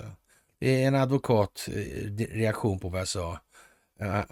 Ja, han kan inte säga eh, tack, du är fantastisk och du hjälpte mig mycket. Och vi förstår vad som händer där ur internpolitisk synvinkel. Och denna reaktion är absolut tillräcklig, mm, vilket betyder att jag hade rätt. Du frågar vad som är bäst för oss i Ryssland. Alltså jag kan upprepa, Biden är bäst för oss, sa Putin. Ja. ja, det kan man ju säga. Den ryska ambassaden däremot tycker att det var inte så bra sagt som att skicka ett skarpt protestmeddelande till utrikesdepartementet på grund av Bidens förolämpningar. Ja, Bidens oacceptabla retorik visar impotensen och bristen på sunt förnuft i USAs nuvarande politik gentemot Ryska federationen. Det är osannolikt att situationen med Bidens kränkande uttalanden riktade till Putin kommer att lösas genom enkla ursäkter, sa diplomaten. Ja, men det kanske är så. Och det kanske måste vara så nu. Mm. Det ska vi nog inte underskatta faktiskt alltså. Ja.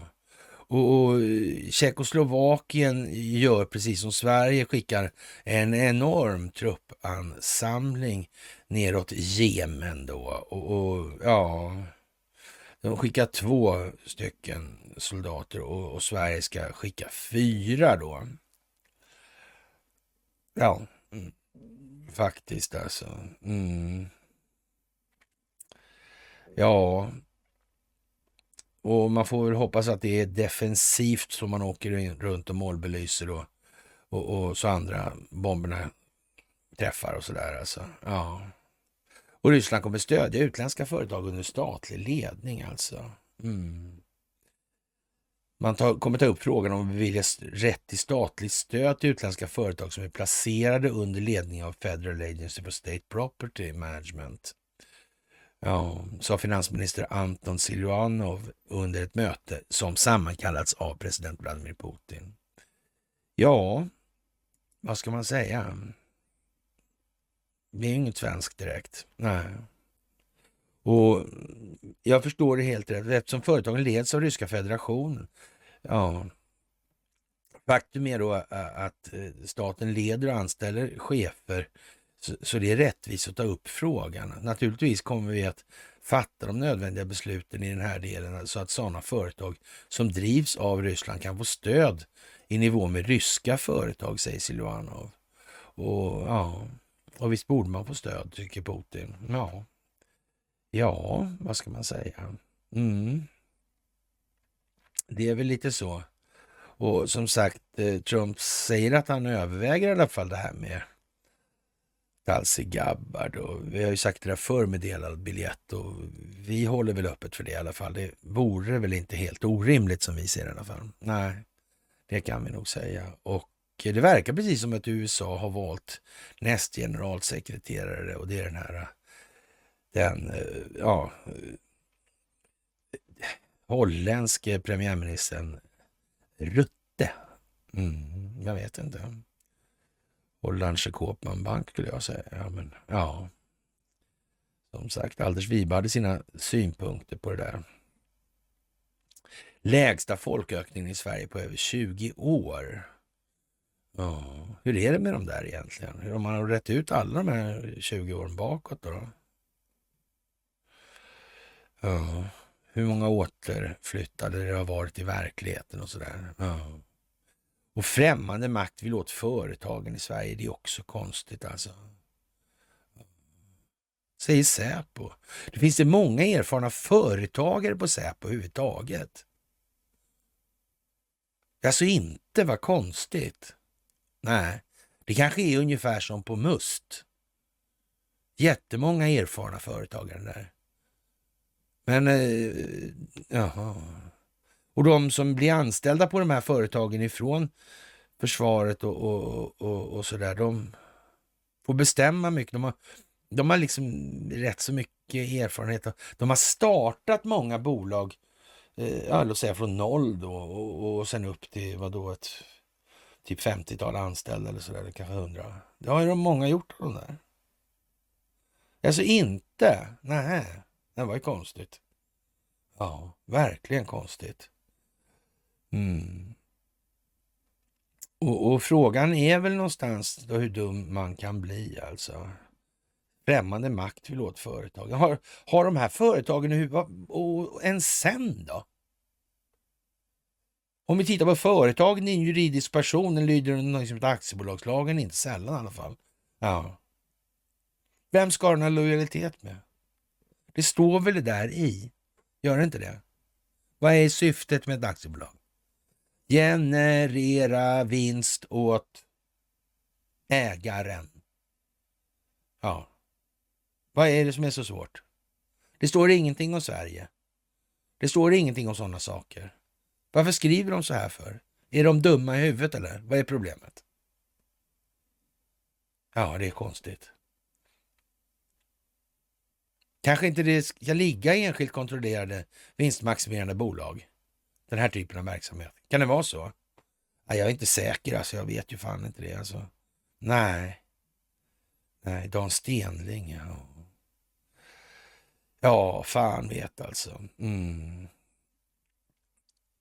Ja, och det visar sig att de här nödsystemen i USA på telefonerna där inte fungerar i, i, i nödsituationer. Kanske inte är så bra med Ericsson, skriver någon som har lite inflytande på Twitter sådär. Ja. ja, det kan ju vara så, det vet man ju inte faktiskt. Mm. Verkligen konstigt. Mm. Ja, och, och, det verkar precis som att eh, ja, det går bra för Ryssland i det här eh, opinionsbildningskriget då, eller vad jag ska kalla det för. Mm. Och, och, Ryssland har nyligen, relativt nyligen i alla fall, börjat arbeta med motpropaganda och på vissa ställen vinner det och på vissa ställen förlorar det mot USA. Ryska federationen skulle kunna konkurrera med väst när det gäller medieeffektivitet. Alltså. I västvärlden utsätts media för mycket stark press från sina regeringar. Mm. Ja, men det är väl ingen som tror på no att det är på något annat vis.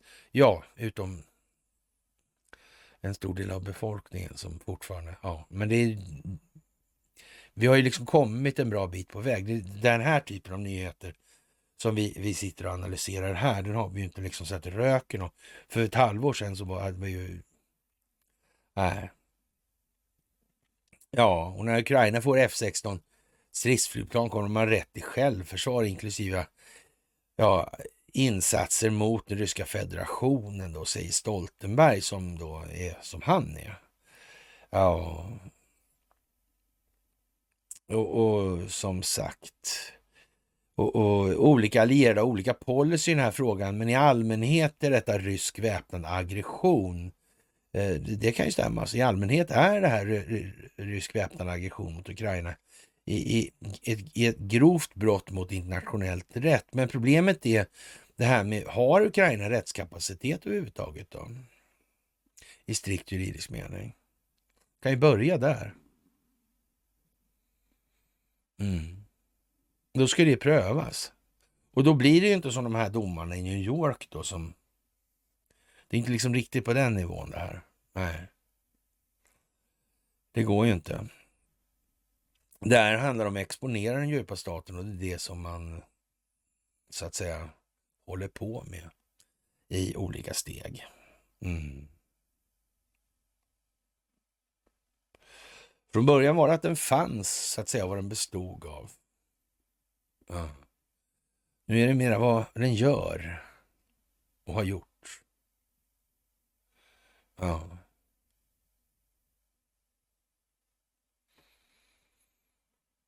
Och så nu kommer det snart bli... Nu måste vi göra oss av med skiten. Mm. ja, och Zelensky gav en intervju till Fox News två och en halv kilometer från fronten.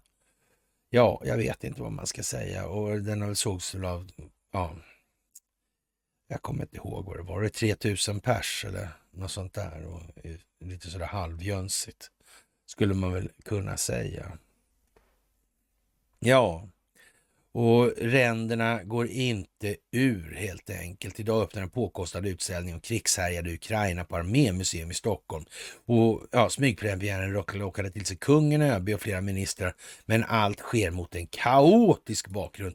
Det är ingenting ovanligt när det gäller försvarshistoriska museer kan jag säga sådär. Och redan på ja, 1990-talet så var den här cirkusen ta fan i full gång alltså. Och eh, ja, man kan säga så här, det där har inte, det där, när det gäller Försvarshistoriska museer så är, har det aldrig varit någon bastion för det naturliga ledarskapets framväxt. Så skulle vi kunna säga. Det skulle man verkligen kunna säga. Mm. Sen har det för all del funnits en del liksom så här, trevliga människor. Stellan Bojerud var där också eh, en god stund och, och Ja, han Leffe Törnqvist var där också, även om han var kanske lite väl trind för att vara militär sådär. Va? Men, men, men man heraldiker annars. Alltså. Men eh, det fanns en hel del eh, ad, andra typer som inte alltid var lika briljanta, om man säger som så. Nej, helt enkelt. Eh, ja, i, och det här var ju problem då för försvaret som då försökte måste försöka rationalisera det här på något vis. För så där kunde man inte ha det. Va? För det var alltså allt från mordförsök där man försökte köra ihjäl varandra utanför eh, ja, Marinmuseet då, i Karlskrona till, ja, Gud vet fan vad. Alltså det, det var något helt otroligt alltså. Mm.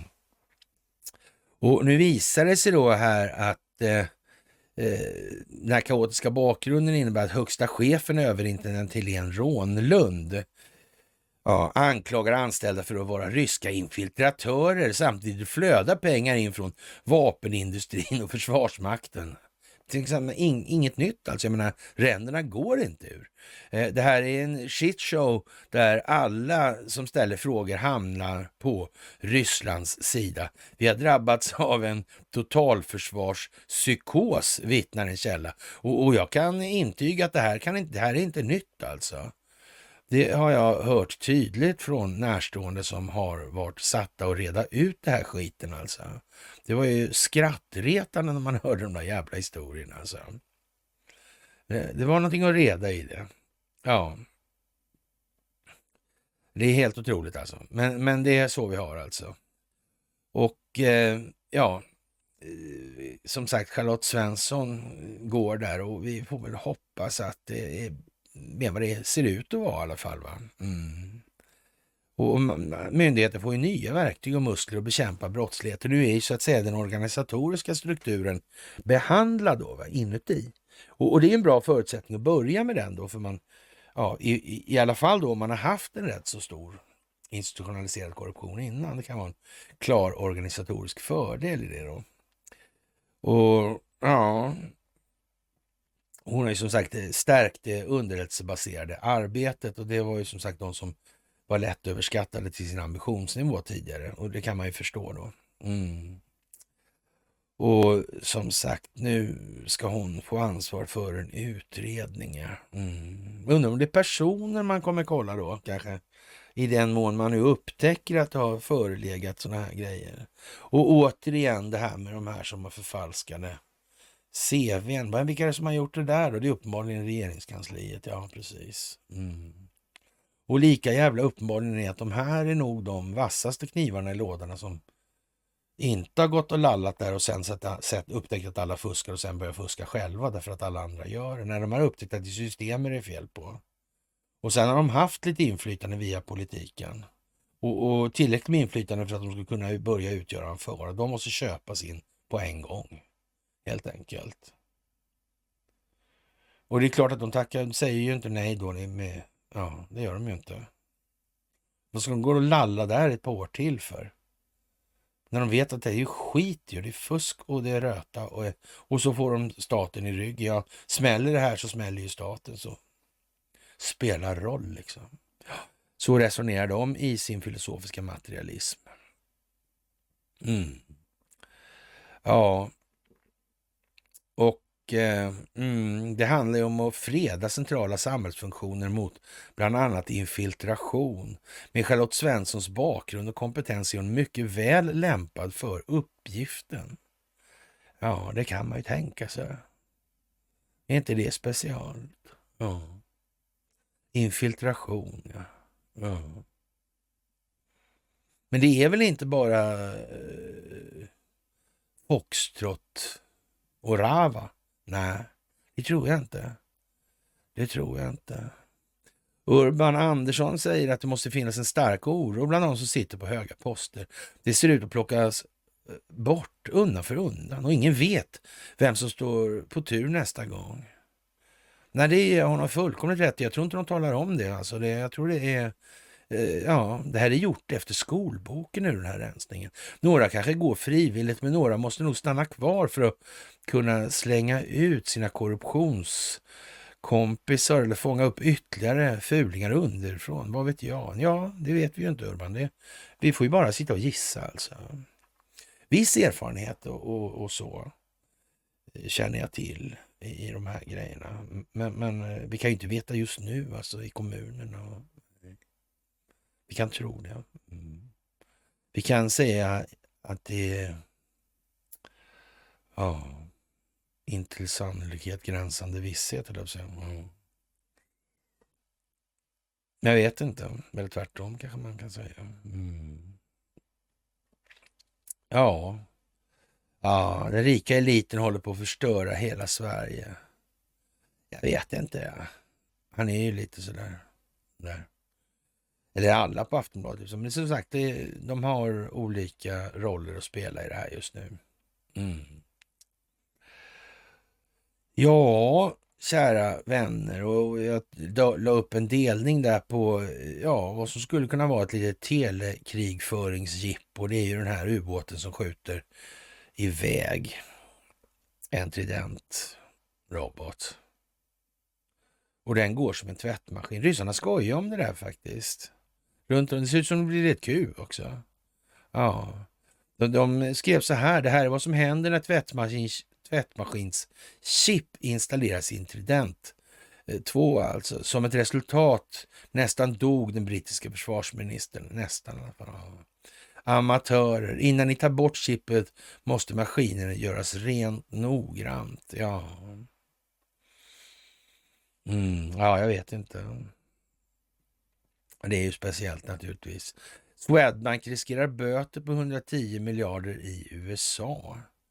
Ja, det kan nog bli lite överraskande. Den stora frågan för Swedbank är om, den amerikanska, om amerikanska myndigheter bestämmer sig för att förbjuda Swedbank att handla i dollar. Det skulle vara ett hårt slag och hota bankens existens. Då är det bara förstatliganden, man får man den gratis. Ja, ingen kan klaga. Inte det konstigt? Då får ju de här människorna som äger aktier i den här banken, då får de vända sig till den amerikanska staten. Mm. Det är ju liksom inte, kan man inte klandra någon svensk regering för att det blir så.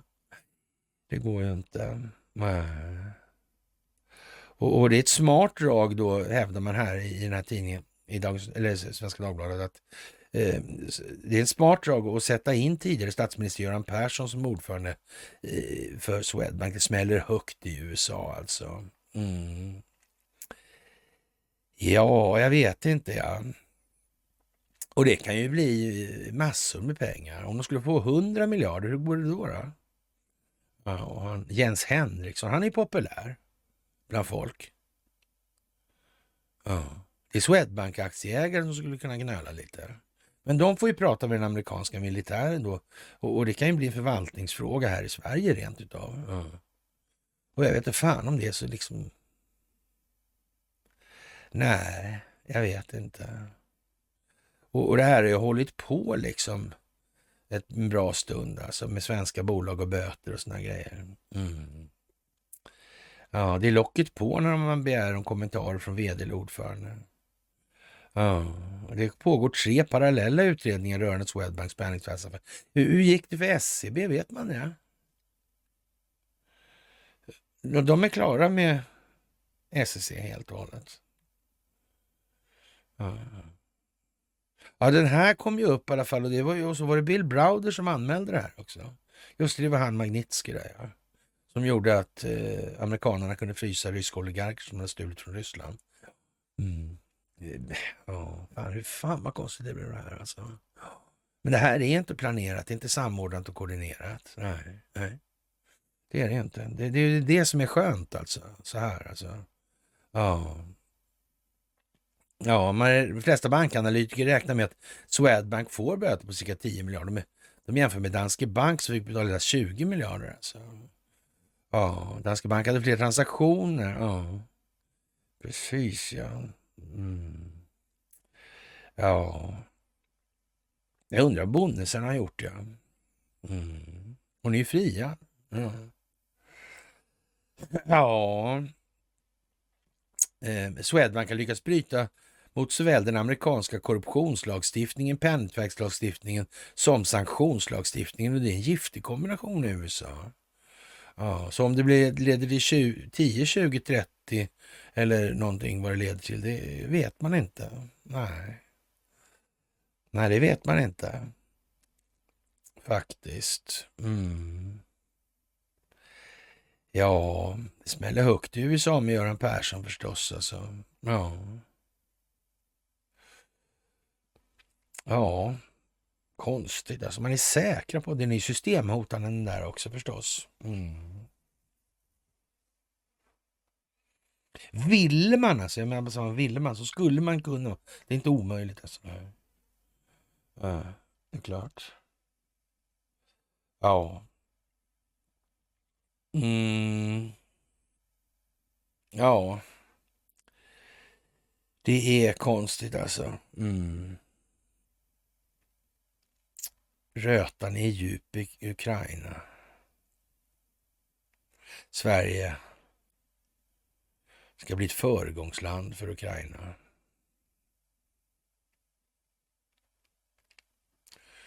Där chefen för, eller generaldirektören för Tullverket en gång sa Jag får lön för att vara på jobbet. Mm. Men ska jag göra något ska jag ha betalt. Jag vet inte. jag vet inte alltså. Och så kom någon, en hund alltså. Inte vilken jävla hund som helst. En, en eh, räv. Nej, men en schäfer i alla fall. Den bitglade chefen, Commander alltså. Alltså, ja, Commander, ja. Det är den här CIC, alltså Commander in Chief kanske, jag vet inte. Och, och, han kanske bara gör sitt jobb, det vet man ju inte. Han kanske till och med har varit på Statens hundskola eller något. Ja. Den bitglade chefen Commander har i två års tid jäckat såväl livvakter som annan personal i Vita huset. Han bits! Ja, I oktober förra året portades han från Vita huset efter att ha attackerat flera anställda i presidentbostaden.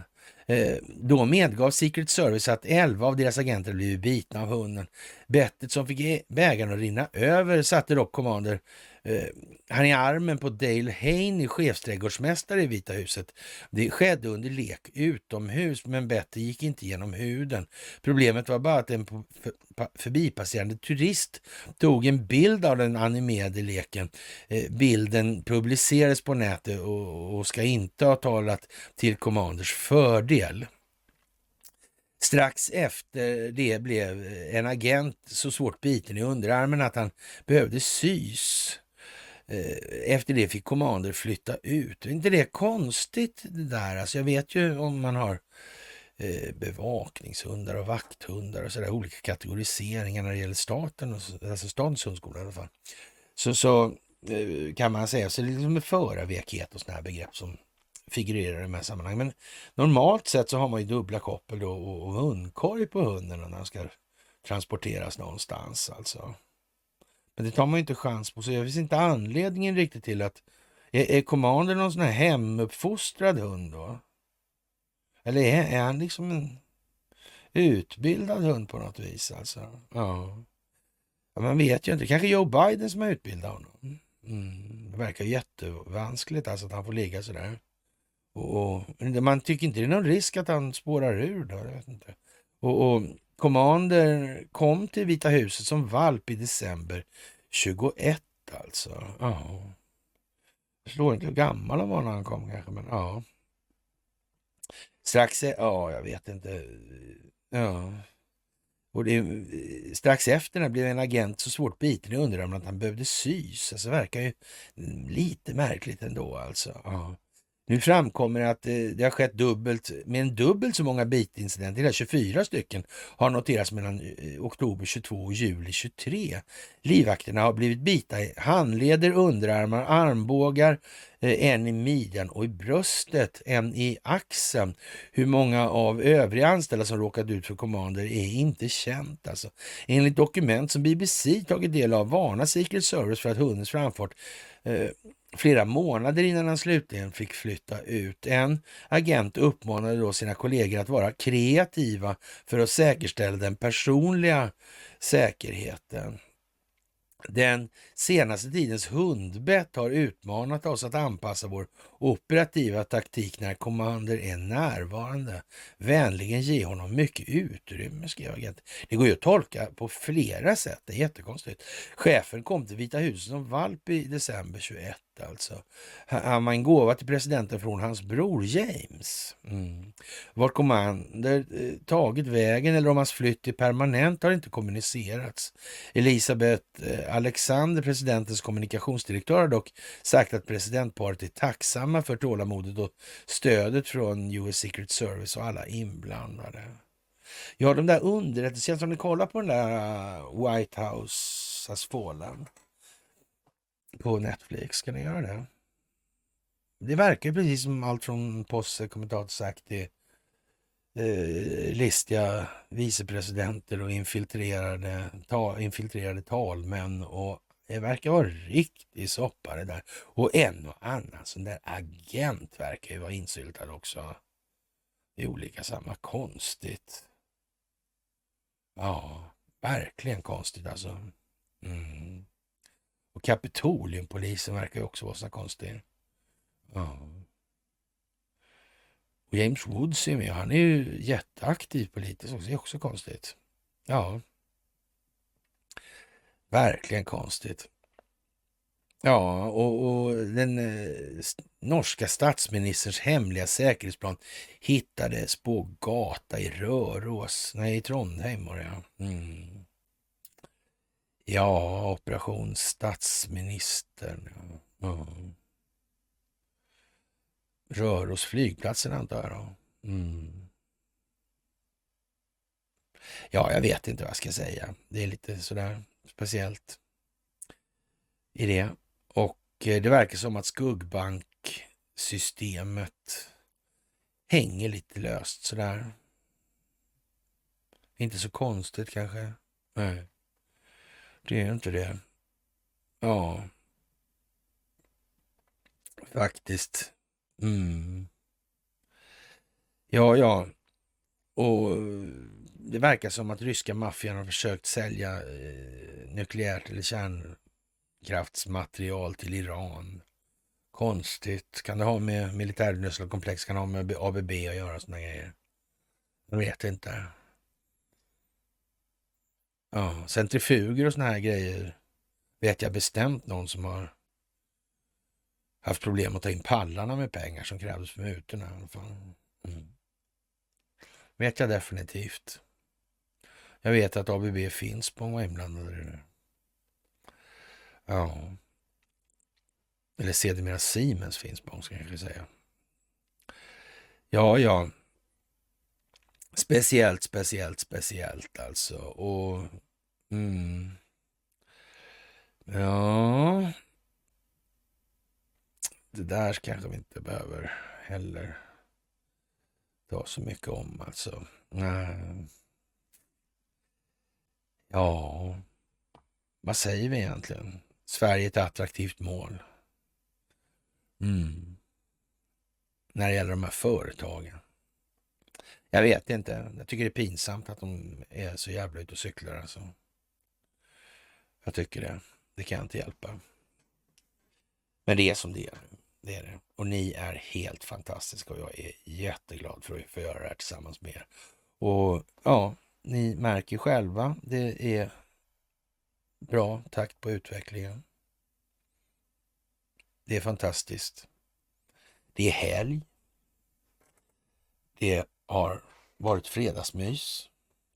Och jag får tillönska er alla en fantastiskt trevlig helg.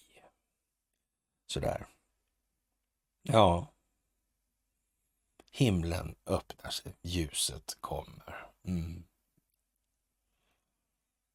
Det är fantastiskt. Och eh, vi hörs senast på måndag och vi hoppas att Conny kanske piggar på sig någon gång så han kan vara med.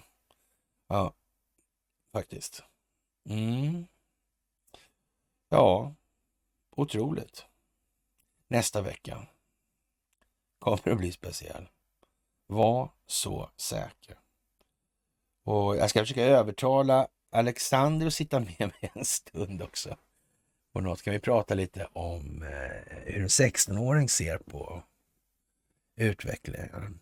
Inte bara hur man ser på lyftning, lyfta vikter eller hålla på med ljud. Vi kan prata lite om sånt där. Han är, han är med i matchen så det kommer ni skratta åt. Alltså, han har sina synvinklar på saker och ting. Med det så får jag önska er den här fantastiska helgen och eh, så syns vi senast på måndag. Trevlig helg!